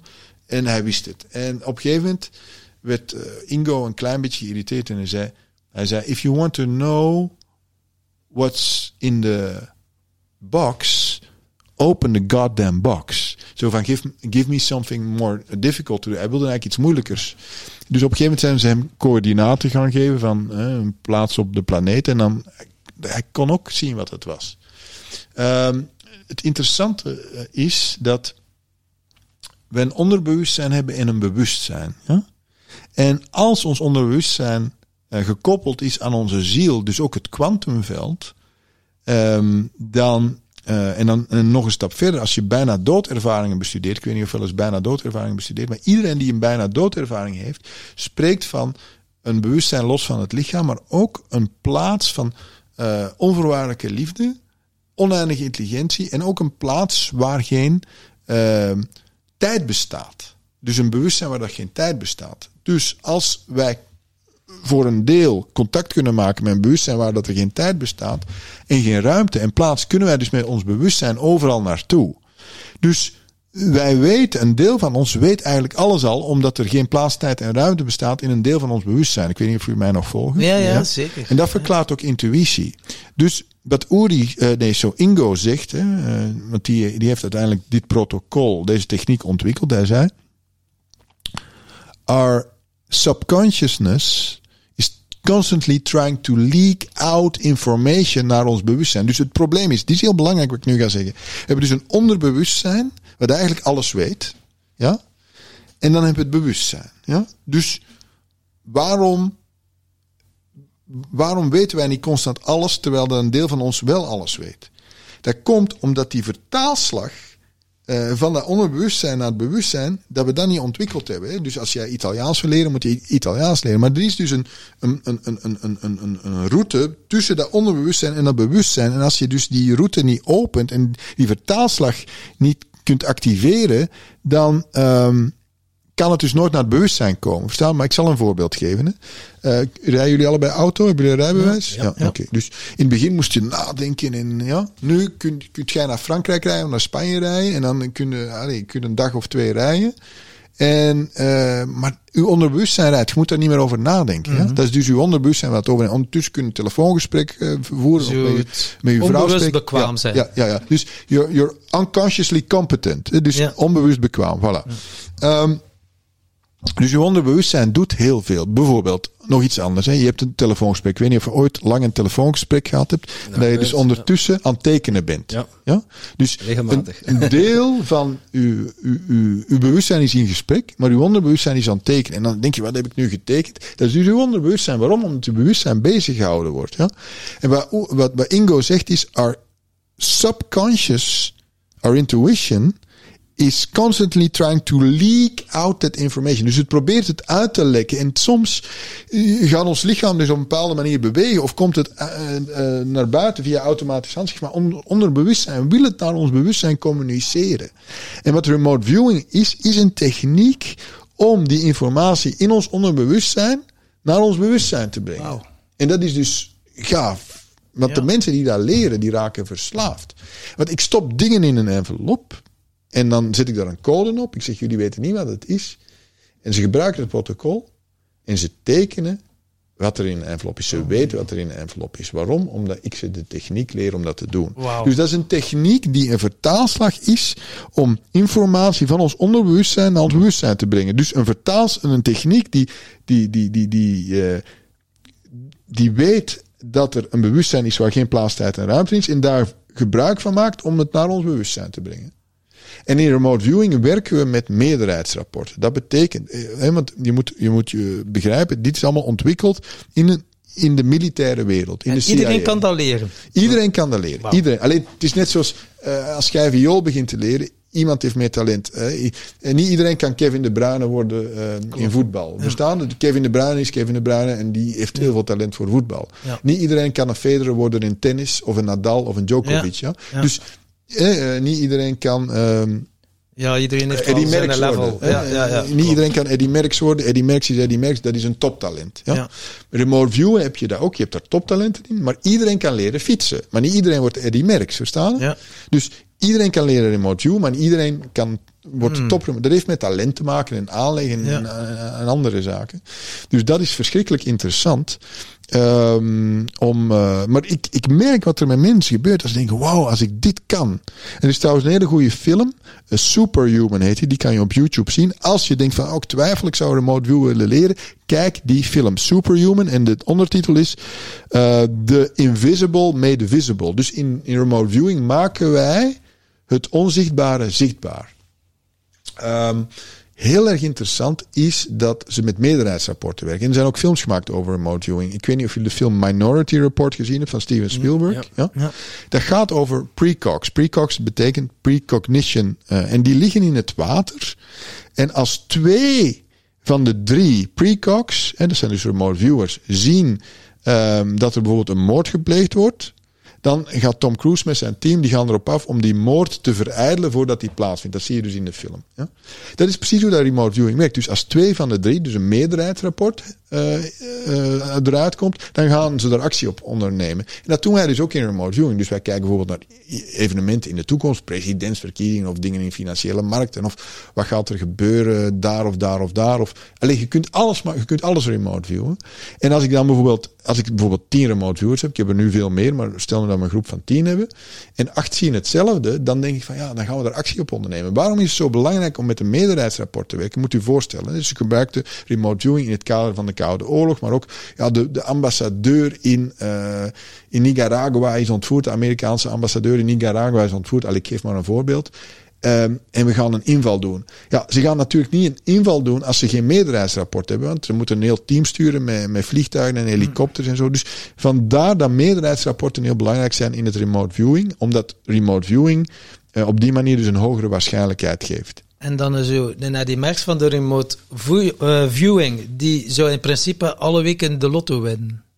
Oké, dit is een hele goede vraag. Kijk, de lotto. eh, we hebben bijvoorbeeld in België Euromillions. Hè, dat zijn vijf getallen en twee sterren. Ja? Ja. Ehm, ik heb een vriend in eh, Amerika, dat is een professor. ehm, en die heeft twee jaar geprobeerd om via remote viewing de lotto te winnen. Dat heeft hem bijna zijn huwelijk gekost. Waarom? Dat zijn dus zeven eenheden aan informatie die dat je tegelijkertijd goed moet hebben. Ja? Hè, dus, dus vijf getallen en twee sterren, correct? Ja. Ehm, dat is dus verschrikkelijk moeilijk om dat te doen, omdat er zoveel informatie is in één keer. En die moet dan compleet correct zijn, want die combinaties moeten dan kloppen. In remote viewing, als we het simpel willen houden, gaan we liever voor binaire dingen, dus A of B. Ja? En als je daar dan nog een meerderheidsrapport op loslaat, dan heb je een hele hoge waarschijnlijkheid. Aan Heb of het- uit. Ja. Aan of uit, ja. Ja, ja. Dus, dus, dus, dus, dus de lotto is mogelijk, maar dat is de hogere wiskunde. En daar heb je veel remote viewers voor nodig. En dat kost jaren om dat goed te doen. Dus dan kun je beter naar het casino gaan, de roulette. Zwart ja, of ja, rood. ja, wat remote viewers wel kunnen. Eh, en, en, en er zijn militaire remote viewers die dit ook doen. Hè, die zeggen van bijvoorbeeld, ja, ik ga om half één in dat casino. Wat valt er dan op die roulette tafel? Dat, dat, dat is de remote viewer. En dan is het ook een cash house. Het enige probleem is dat, eh, dat je dat niet, eh, hè, dat je dat maar Ene keer of twee keer. keer kan doen. Want Ja. de casino's zullen niet zo blij zijn. Maar, dus ze doen dat ook maar ene keer, dan gaan ze ergens anders naartoe. Ja. Ja. Ja. En nogmaals, dit zijn allemaal mensen die oorspronkelijk getraind werden in de wereld van de CIA, in de wereld van het eh, Amerikaanse leger. Een andere goede film die dat er is, die dat je zeker moet zien, is Man Who Stare at Goats. Mannen die naar geiten staren, in het Nederlands. Dat is een film met George Clooney, Ewan McGregor, Jeff Bridges, Kevin Spacey. En dat gaat dus over het eh, remote viewing programma in het Amerikaanse leger. Ehm, en wat ze er allemaal mee eh, geprobeerd hebben. Die film is gebaseerd op een boek van John Ronson. John Ronson is een, een, een Britse journalist. En die is op een gegeven moment remote viewers die eh, gepensioneerd waren ehm, gaan interviewen. En natuurlijk, eh, alle remote viewers, die moesten natuurlijk, alles wat er gebeurde was in principe vertrouwelijk. Ze moesten een non-disclosure agreement tekenen. Maar na een pensioen gingen ze vaak toch in de corporate wereld ook remote viewen. Hè? Want ja, in het bedrijfsleven is remote viewing ook heel erg waardevol. Er is een hele industrie ontstaan eh, op basis van remote viewing. En ehm, dus hij ging die mensen interviewen en toen kwam hij erachter van wauw, dit is een heel programma waar dan niemand iets van af weet. En hij heeft daar een boek over geschreven. En dat boek is dan gekocht door Hollywood. En Hollywood heeft er natuurlijk een comedy van gemaakt. Maar de film is wel heel goed, want die is volledig gebaseerd op waar gebeurde feiten. Dus die remote viewers die werden op een gegeven moment gerecruiteerd. Dus ze hebben een, een protocol gemaakt. eh, die twee laserphysicists, eh Hal Puthoff en Russell Tark, hebben in combinatie met die Ingo Swan een protocol gemaakt voor het Amerikaanse leger om remote viewer te leren. En dat was juist eigenlijk in de periode na de Vietnamoorlog. En het bleek dat mensen die dus een bijna doodervaring hadden gehad, dat die heel veel talent hadden. Het bleek dat mensen die ehm, al artistiek waren, bijvoorbeeld instrument speelden of schilderden, dat die talent hadden. En mensen die al met spiritualiteit bezig waren. Dus die werden eigenlijk op die manier gerecruiteerd in het Amerikaanse leger op basis van of ze al aanleg hadden, hebben ze een bijna doodervaring gehad, zijn ze al met spiritualiteit bezig of zijn het creatievelingen. Die hebben meer aanleg daarvoor. Dan eh, ook te maken met de rechter hersenhelft dan? Exact. Ja. Absoluut. Ja, ja. Dus dat was super interessant. Ehm, en je kan er verschrikkelijk eh, veel mee doen. En ik merk dat de mensen die dit leren, dat die verschrikkelijk veel zelfvertrouwen krijgen. Waarom? Omdat ze zoiets hebben van wauw, mijn potentieel is veel groter dan dat ik eh, geleerd heb. Ja. Ik kan contact maken met het veld waar geen plaats, tijd en ruimte is. En ik kan er informatie uithalen. Ja, dat is wel zot. Ja, Dat ja. is gewoon, ja, nu hadden mij zo getriggerd dat ik eh, toch wel een keer ga kijken naar waar kunnen mensen dat vinden. eh. Ehm, het beste is om mij op Instagram te volgen, want daar post ik alles. Je kan altijd een mailtje sturen naar baptist@thepoweroftheheart.com. Ehm, en ik geef dit weekend een remote viewing weekend in Wolvertem. Dus je, je bent van harte welkom om deel te nemen als je wilt. ja, dat zal mijn nu gast. uitgezonden worden in Ja. november, dus zal Ja. al... Maar ja, tijd en ruimte speelt geen, pla- Ja. speelt, Ja. speelt, speelt geen rol, dus we kunnen even... Ja, dat is Ja. mooi, man. Wauw. En natuurlijk, ja, eh, je hebt ook een nieuw boek geschreven, omdat je zoiets had van... Er zat acht jaar tussen, zeker? Dus nu Ja, is het een dus de tweede, tweede, boek. dus eh, Power of the Heart is in 2014 uitgekomen en Leer manifesteren zoals Oprah Winfrey en J.K. Rowling in 2022. En begon het dan te kriebelen? Had jij zoiets van, shit, ik moet mijn ei nog kwijt, ik heb het nog niet, eh, ik wil nog iets... Nee, dat is eigenlijk heel, heel interessant, want ik, ik heb dit boek eh, Leren Manifesteren eigenlijk al vijf, zes jaar geleden geschreven. En dat was in de periode dat ik bij Gary Zukav in Amerika zat. En, en, en Gary is natuurlijk heel goed bevriend met Oprah. En Oprah is heel zwaar beïnvloed door de concepten van Gary in zijn boek De Zetel van de Ziel. En eh, ik heb op een gegeven moment een interview gezien, en dat is ook weer heel interessant, tussen Oprah en J.K. Rowling. Dus ja, J.K. Rowling is de schrijfster van de Harry Potter boeken. Ja. Eh, iedereen kent Harry Ja. Potter boeken en de films waarschijnlijk ook. En uh, Oprah wilde eigenlijk J.K. Rowling al heel lang interviewen. Maar J.K. Rowling, die houdt eigenlijk niet zo van interviews geven. Die is vrij mediaschuw en die had nooit zin om naar Oprah te gaan. En die had eigenlijk altijd nee gezegd tegen Oprah voor een interview. Dat kunnen we ons niet voorstellen, maar was Ja. echt zo. En die had dat ook niet nodig, want die verkocht zoveel Ja. boeken, dus die had Oprah niet nodig. En op een gegeven moment heeft eh, Oprah, eh, was het het laatste seizoen van de Oprah Winfrey Show, hè, want die is op een gegeven moment geëindigd. En toen heeft Oprah eh, nog eens een keer een verzoek gestuurd naar J.K. Rowling en heeft gezegd van, eh, ja, dit is mijn laatste seizoen en ik weet dat het jouw laatste Harry Potter boek is. Ik denk dat dat boek 8 was, zo uit mijn hoofd. Eh, en toen heeft J.K. Rowling gezegd: Oké, je mag mij interviewen, maar ik kom niet naar Chicago. Jij moet naar mij komen. En J.K. Rowling woont in Edinburgh, Schotland. En ehm, ze zijn bijeengekomen in Schotland. Het interview staat op YouTube. En ehm, ze kwamen in gesprek. En toen dacht ik: Wauw, die hebben zoveel gemeen. Hè? Je zou dat niet denken, want de ene vrouw is van Amerika, de andere is van. eh, Engeland oorspronkelijk. Eh, maar ze, Oprah was heel groot fan van de Harry Potter boeken in, in de eerste plaats. In de tweede hadden ze allebei die extreme slechte startpositie. Want J.K. Rowling, ehm, die, was op, die werkte ten eerste voor Amnesty International. Die is op een gegeven moment getrouwd met een Portugese journalist. Die is naar Portugal verhuisd. Die... eh, dat huwelijk was maar 13 maanden. Eh, daar is een meisje uit voortgekomen. En op een gegeven moment is ze dus niet terug naar Londen gegaan, waar dat ze eerst woonde, omdat daar heel duur is om te wonen. Is ze naar Schotland, naar Edinburgh gegaan, waar dat haar zus ook woonde. Eh, na dat huwelijk, na die echtscheiding. Alleen ze kon geen job vinden. Ehm, en ze moest voor die dochter zorgen. En ze was heel erg depressief in die periode, omdat ze dacht, ja, mijn leven is eh, totaal mislukt eigenlijk. En ze was zodanig depressief dat ze echt zwaar suicidaal was.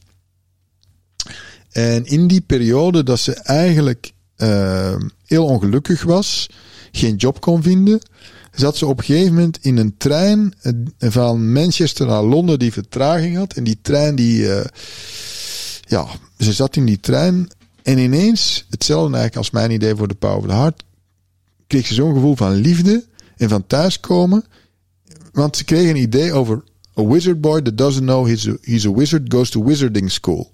Dus een, een, een, een, een, tovenaar die niet weet dat hij een tovenaar is, gaat naar de een toverschool. Ja, hè, eh, Zwijnstein in het Ja. Nederlands, Hogwarts in het Engels. En ze voelde zoveel enthousiasme. En ze zag de personages, ze zag Zwijnstein, ze zag dat er zoveel boeken waren. Ze zag alles kwam direct binnen. Ze zag, wow, wow, wow, alles kwam ineens binnen. En ze had natuurlijk geen bik om mee te schrijven. Dus toen is ze met de lip, lippenstift beginnen schrijven. Maar ze heeft dus die energie gevolgd. En daar is natuurlijk het Harry Potter fenomeen uit voortgekomen. Het is heel interessant. Ze is toen gaan schrijven. Eh, vaak in cafés in, in, in, in Edinburgh. Ehm, en ehm, en met, de, met de, de kinderwagen er zo naast. En ehm, ze kregen ook een idee, terwijl ze aan schrijven was, ook een download. Ze zei, it's gonna be very hard to get it published, but once it will be published, it will be huge. En ehm, ik dacht van, wauw, dat is ook wel eh, een, een, een, een, een bijzondere gedachte. Dat ze dus intuïtief wel doorkreeg dat, dat het moeilijk was om het te gepubliceerd te krijgen. Maar als het gepubliceerd Ja. wordt, dan wordt het wel heel groot. Dus ehm, wat is er gebeurd? Eh, she was turned down by 12 publishers. Dus 12 uitgevers hebben nee gezegd. De dertiende was uiteindelijk het geluksgetal. En eh, toen dat ze dus de deal kreeg, zeiden ze tegen haar: ja, we, kunnen niet uw naam gebruiken, Joanne, hè, want dat was haar naam. Want eh, dit is eigenlijk voor jongens, hè, het is een tovenaarsjongen. Jongens gaan dit boek kopen, maar die zullen dat niet leuk vinden als de schrijver een, eh, een vrouw is, want dat willen ze niet. Dus we gaan J.K. eh, Joanne, dat een voornaam is, en Kathleen is de naam van haar moeder of haar grootmoeder. Dus dat, dat werd, de initiale J.K. Rowling. En ehm, ze zeiden ook, ja, ze had toen uiteindelijk een jobje kunnen vinden als, als, als lerares in een school. En ze zeiden, ja, houd je jobje, want je gaat nooit geld verdienen met, met je boekenverkoop. Ja, die is de eerste vrouwelijke miljardair geworden met boeken schrijven. Dus die ging dus van as poor as you can be without having a roof over your head, zwaar suicidaal, naar miljardair. Dus dat is, ja, dat is, dat is ongelooflijk, dat verhaal. Ze heeft dus op een gegeven moment een speech mogen houden op Harvard. En toen zei ze ook... Failure became the solid foundation on which I built my new uh, life. Um, because it stripped away the inessential. Dus ze, ze, wist eigenlijk als kind al dat ze wilde schrijven. Maar haar ouders zeiden, ja, maar schrijven, daar kun je niet van leven. Dus dat is eigenlijk uit haar hoofd ge- gehaal, eh, gepraat eigenlijk. En doordat ze in die crisissituatie kwam na die echtscheiding, waar ze zo suicidaal was, geen job kon vinden, zich zo een, een loser voelde, dacht ze van, ja, ik heb eigenlijk niks meer te verliezen. I might as well do what I always wanted to do. Write about that wizard boy that doesn't know he's a wizard who goes to wizarding school. Dus nogmaals, dus die crisis waarin dat ze eigenlijk niks meer te verliezen had, werd eigenlijk het fundament waarop ze iets gaan doen wat dat ze in haar hart altijd wilde doen. Eigenlijk die volledige overgave Ja. van ik heb toch niks meer te Ja, verliezen. voilà. Ja. Nu doe ik gewoon Ja. een... eh, ja. Ja. Maar niemand geloofde erin. Iedereen zei, je gaat er nooit mee kunnen verdienen. Maar zij, op het moment dat ze die download kreeg, dat gevoel was dat zo, ze was zo excited. En zij zegt ook van, ik kan me, en, daarom is het zo belangrijk, want we hebben het over, iedereen heeft zijn eigen soul signature, een element. Zij zegt, ik zou zo in mijn hele fortuin terug weggeven. Ehm, zolang ik maar kan schrijven. Want schrijven is belangrijker dan mijn fortuin. Want ze zegt, als ik niet meer zou mogen schrijven, dan geef ik liever mijn fortuin weg. Schrijven is voor haar als ademen. Zo weet je dus wat uw element is. Zij zegt ook, ik kan me niet voorstellen dat andere mensen niet willen schrijven. Versta je? Dus, Ja. dus, dus, dus ja, dus, dat is ook mijn, mijn, mijn, mijn boodschap een beetje. Kijk naar datgene wat u tot leven brengt. Kijk naar wat, wat, wat hij het liefste doet. Dat is niet toevallig, dat is uw element. En heb je die Anouk eh, ontmoet, eh J.K. Nee, Rowling, ik heb dat wel eh, geprobeerd. Ik, ik heb? Oprah Winfrey, ik heb wel eens bij een, een, een bij- toen ik bij Gary zat, bij een Skype-sessie mogen zitten. Ehm, maar ik heb haar, dus hallo, hi, maar, maar niet echt in gesprek. Nee. Ja, Nee, ja, nee, ja, nee, oké. Geniale titel wel, hè? Leren manifesteren zoals Oprah Winfrey en J.K. Rowling. Ja. Als je dat ziet liggen, eh, het, het trekt wel meteen de aandacht. Ja, En dat is, dat is, dat is dan de, de voorzijde van het boek. En dan ga je de achterkant lezen. Maar leer manifesteren, eh, zoals Oprah Winfrey en J.K. Rowling. Ja. Dat is nogal een belofte die je doet. Ja. Ik, ik, Ga, je- ga, ga je die ook inwilligen? Als mensen het boek lezen, dan, eh, dan, dan kunnen ze manifesteren? Ja, ehm, er zijn zes stappen in het boek. Eh, en de eerste stap is dat je moet erkennen dat je een ziel bent. Dus niet de persoonlijkheid. En de beste manier om dat te doen is de bijna doodervaring. Waarom is die zo belangrijk? En nu gaan we naar een ander verhaal, wat ook in het boek is, want het zijn eigenlijk drie vrouwen. Alleen de derde vrouw, dan werd de titel wat te lang, plus die is wat minder bekend. Dus dat is eigenlijk leer manifesteren zoals Oprah Winfrey, J.K. Rowling en Anita Moorjani. Anita Moorjani, ik weet niet of jullie daar wel eens van gehoord hebben. Dat is een vrouw in Hongkong. En die heeft eh, kanker van het lymfatisch systeem. Eh, en die kanker die is eh, uitge, ehm, helemaal uitgezaaid. En ze heeft dus kankergezwellen te, te, te grootte van citroenen in haar lichaam. En ze ligt in het hospitaal in Hongkong. En de artsen zeggen van belt uw familie maar. Want binnen 48 uur eh, is het gedaan. Dan ben je dood. En eh, haar broer ehm, is op een luchthaven in India. En die probeert dus nog een, een, een vliegtuig naar Hongkong te krijgen. Haar moeder is al in, in, in de kliniek en haar man ook. En ze geraakt in een coma. En nu even een klein beetje achtergrond. Dat was heel, wel heel belangrijk voor mijn verhaal over manifesteren. Deze vrouw groeit op in Hongkong. En haar ouders zijn Hindoes uit India. En ze zit op een school van expats, van Britse expats. Dus ze groeit op in drie culturen. Dus thuis de Hindoe-cultuur, India. Ehm, op school de Britse cultuur, de westerse cultuur. En eh, ze heeft dan een, een, een nanny, een oppas, die eigenlijk voor haar zorgt, want haar ouders eh, die werken. En dat is een Chinees. Dus ze groeit dus op in Chinese cultuur, eh, Indiaanse cultuur en de westerse cultuur. En ze ehm, raakt helemaal verward, want in bijvoorbeeld, ik zal een voorbeeld geven, in, in, de, in India drink, ja, eet je al weinig vlees in vergelijking met de Chinezen. Maar als je ziek bent, eet je geen vlees. De Chinezen eten juist als ze ziek zijn veel vlees. Haar, kind, eh, haar vrienden op school die mochten naar de McDonald's, maar zij mocht het dan weer niet vanuit geloof. Ehm, ze zou uitgehuwelijkt worden eh, door haar vader. eh, en ze moest dan trouwen met een goede hindoe. Uiteindelijk gaat die verloving, die vindt plaats, maar tijdens de verloving stapt ze eruit. Dat heeft heel veel schande veroorzaakt in haar community in Hongkong. Anyway. Maar ze probeerde eigenlijk wel altijd mensen te pleasen, maar ze was verward omdat ze in die drie verschillende culturen opgroeide. En dus ze ligt in die coma. En eh, op het moment dat ze in die coma is, ziet ze zichzelf boven het lichaam hangen. En ze maakt contact met een verhoogd bewustzijn. En eh, ineens merkt ze dus dat ze met haar bewustzijn overal tegelijkertijd kan zijn. Dus ze kan met haar bewustzijn naar de luchthaven in India, waar haar broer de, de vlieger probeert te pakken naar Hongkong. Ze ziet de artsen in de kamer ernaast. Um, ze voelt uh, haar man, ze ziet haar moeder bidden. En uh, ze merkt dus een verhoogd bewustzijn, wat geen plaats, tijd en ruimte kent. Ze ziet ook dat ze oneindig intelligentie is, want ze weet ineens alles. Um, en ze voelt onvoorwaardelijke liefde. En wat gebeurt er? Haar al reeds overleden vader komt naar haar toe, maar dit keer dus niet als de vader die wilde dat ze ging trouwen met een hindoe, maar als ja, een ziel van onvoorwaardelijke liefde. En wat betekent dat? En dat is een inzicht wat ze op dat moment dus duidelijk doorkrijgt. Is dus onze persoonlijkheid, het lichaam van u, Tom en het lichaam van u, Tim, dat is een persoonlijkheid met een cultuur van, ja, jij bent een Belg, jij bent een Nederlander, ik ben zo oud, dit is mijn naam, dit is, dit, dit is mijn achtergrond, uh, dit zijn de opleidingen dat ik gedaan heb, bla bla bla. Dat is allemaal persoonlijkheid. Maar daarachter zit een ziel en die ziel heeft eigenlijk geen persoonlijkheid en is onvoorwaardelijke liefde, is uh, oneindige intelligentie, maar die kijkt door uw ogen en doordat die ziel door uw ogen kijkt, gaat een stuk van u denken dat het lichaam dat je daar bent. Dus zeggen, ja, ik ben Tim en ik ben dit en dit en dit en dat. Maar dat is eigenlijk niet je werkelijke identiteit. Dus, maar door, want in feite is je lichaam een filter waar dat de ziel doorheen kijkt. Ja? Maar wij gaan ons dus identificeren met het filter, maar we zijn dat filter niet. En zij zag dus met haar vader op het moment dat hem dus daar in het licht was met haar dat hij dus niet meer door die filter keek, maar vanuit de onvoorwaardelijke liefde. En toen begreep ze van alles wat hij gedaan had, was zij niet als uh, fijn ervaren had, was eigenlijk vanuit liefde gebeurd, maar wel vanuit dat filter, begrijp je? Ja, dus dat was een heel belangrijk inzicht.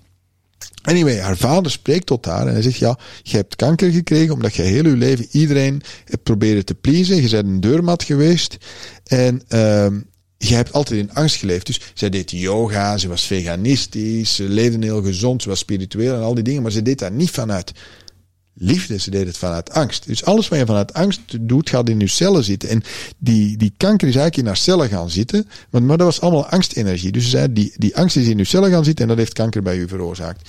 En hij zei van, ja, je moet eigenlijk alles vanuit liefde doen.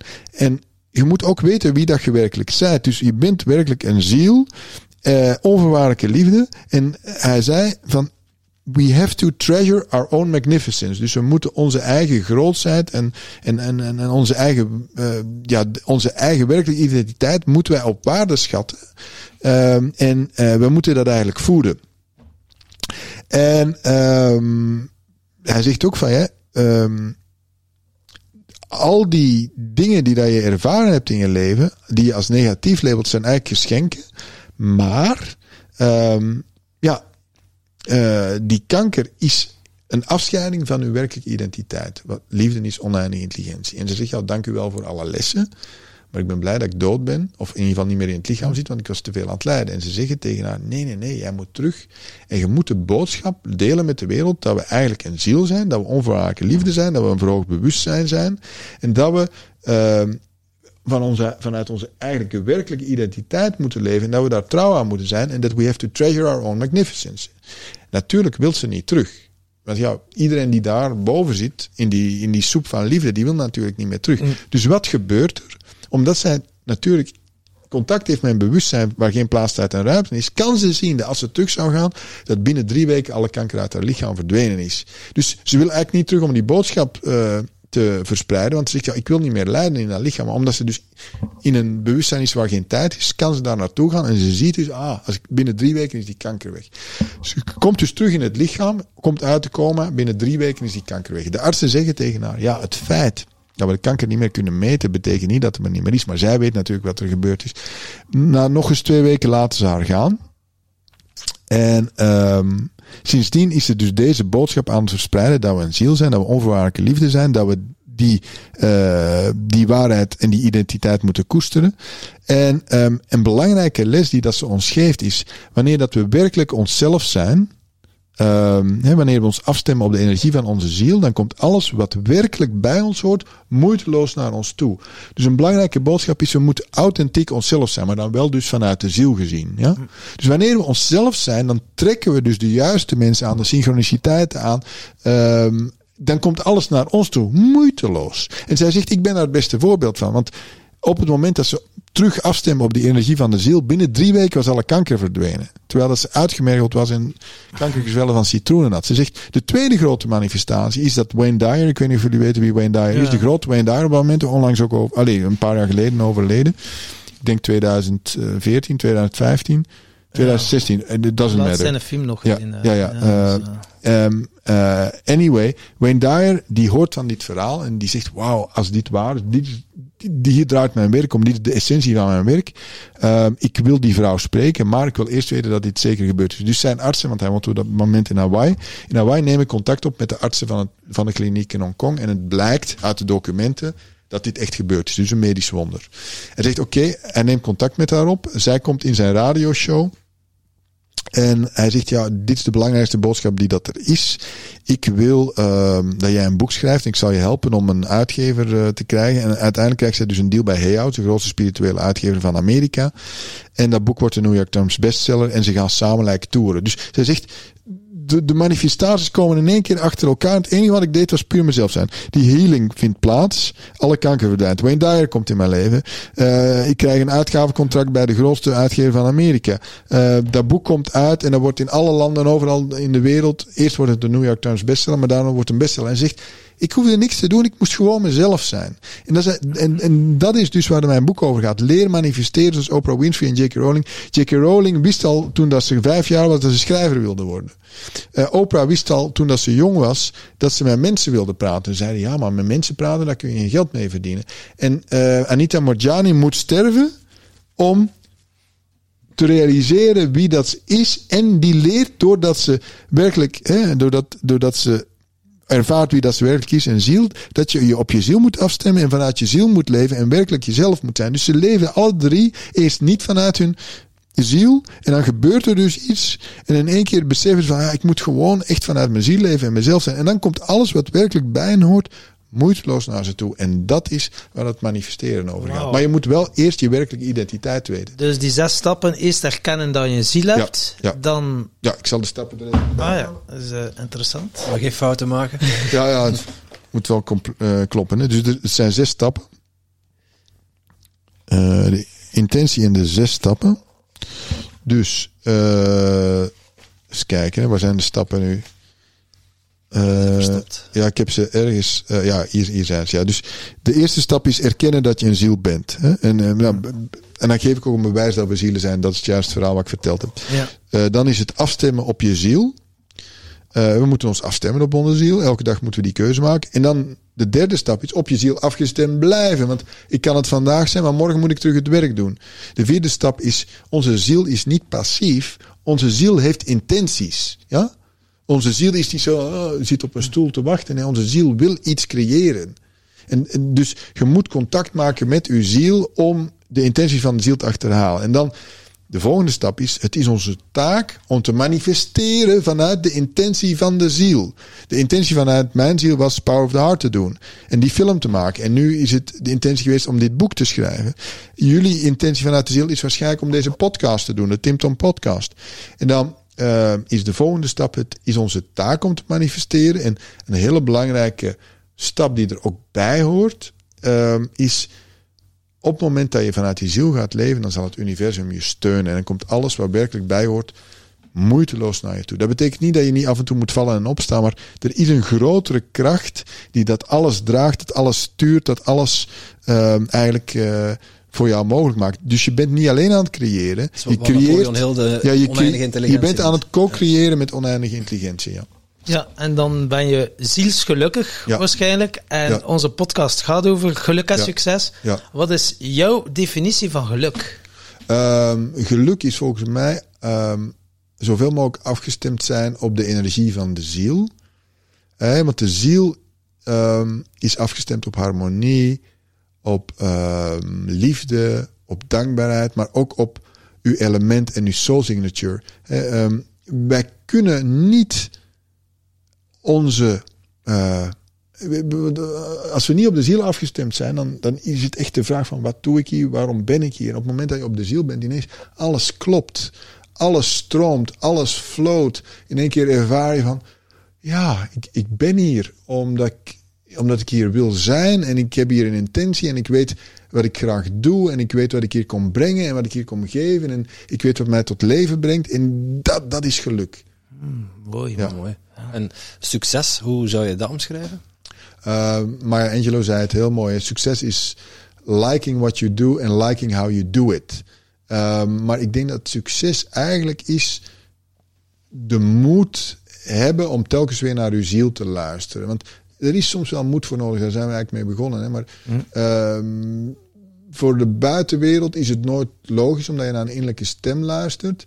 Maar ik merk telkens als ik naar mijn ziel luister en als ik ehm, dus de, de, de fluistering van mijn ziel eigenlijk eer, ja, dan word ik zo gelukkig. Want ik krijg altijd dan een bevestiging van, doordat er een synchroniciteit gebeurt, of dat er iets is, of dat ik enthousiast word, of dat ik me groter voel, of dat ik flow voel. Flow is zo belangrijk als je flow voelt. Door die flow weet ik ook, ik zit op het juiste pad, ik ben op het juiste moment, ik- dit is wat ik kan doen. Ik vind flow eigenlijk de beste graadmeter van eh, geluk.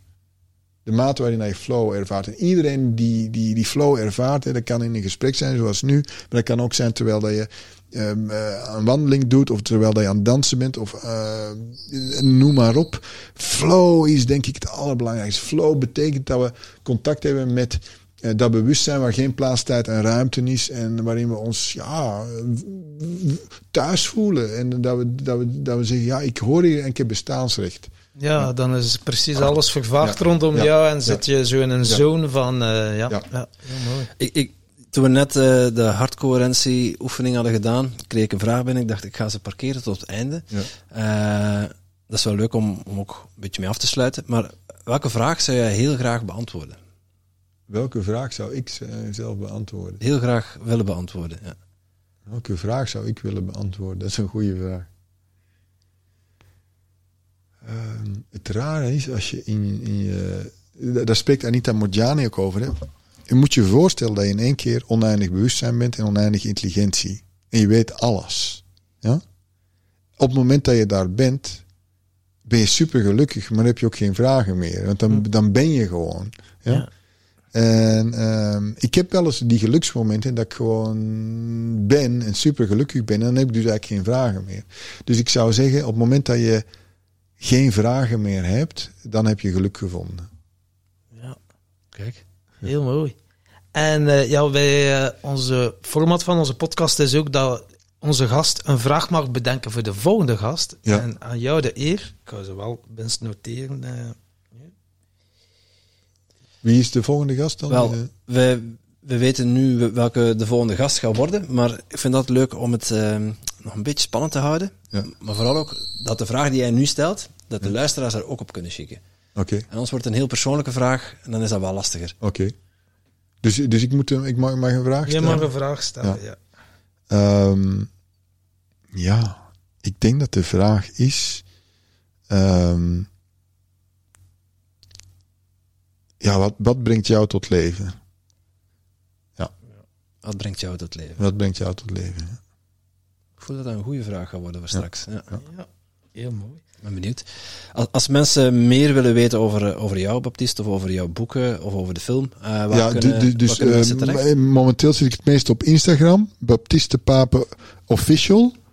Ehm, ik zit ook nog op, eh, op Facebook, maar eigenlijk heel weinig. Ik probeer nu ook op TikTok te geraken. Dat is toch een beetje de druk van de Ja, so- ja, ja. social media. Maar ik, het beste is om mij op ehm, Instagram te volgen. Baptiste Pape ehm, Official. En eh, dan kun je mijn evenementen volgen en alles wat ik doe. Ehm, ik heb ook een website en dat is thepoweroftheheart.com. Daar kan je de film The Power of the Heart zien en meer informatie weten over, eh, over The Power of the Heart. En ik heb ook een, eh, een e-mailadres en dat is baptist@thepoweroftheheart.com. Dus baptist apenstaartje thepoweroftheheart.com. Als mensen vragen hebben of ze willen meer weten, kunnen ze ons daar mailen. Ja, wij schrijven ook altijd een blog van alle inspiraties dat we hebben opgedaan. En dan zetten we het ook Ja. onder de show note toe, Ja. dan ze jou kunnen vinden. En eh, ik vond het een heel inspirerend gesprek. En ik ben nog altijd in die gelukzalige toestand van die zeker. hardcoherentie. En ook jouw energie is echt wauw, zo aanstekelijk. En eh, die remote, ehm, Remote eh, viewing. viewing, eh, Remote viewing betekent op afstand kijken. eigenlijk. Ja, ja, ja, heel mooi. En onze luisteraars houden ook van cadeautjes. Heb jij zo een cadeautje voor onze luisteraars dat we kunnen weggeven? Ja, ehm, ik, heb voor, ik heb vijf boeken voor uw luisteraars. Wauw. Ehm, en ik zal vijf dvd's geven. Ik weet niet of mensen nog dvd's gebruiken, maar vijf boeken en vijf dvd's Wauw. van Power of the Heart. Ja, super. Dankjewel. Oké, Oké. dankjewel. man. Het mooie Ja, dank u. Ja, dankjewel. En jij natuurlijk ook super bedankt om te luisteren naar deze podcast. Voel jij je geïnspireerd? Je zou ons een enorm plezier doen door ons 5 sterren te geven of een review achter te laten in jouw favoriete podcast-app. En wil je geen enkel inspiratiemoment missen? Abonneer je dan op onze podcast of volg ons op social media at Tim Tom Podcast. Oké, dan moet je ook terug aan de Tom. Hè?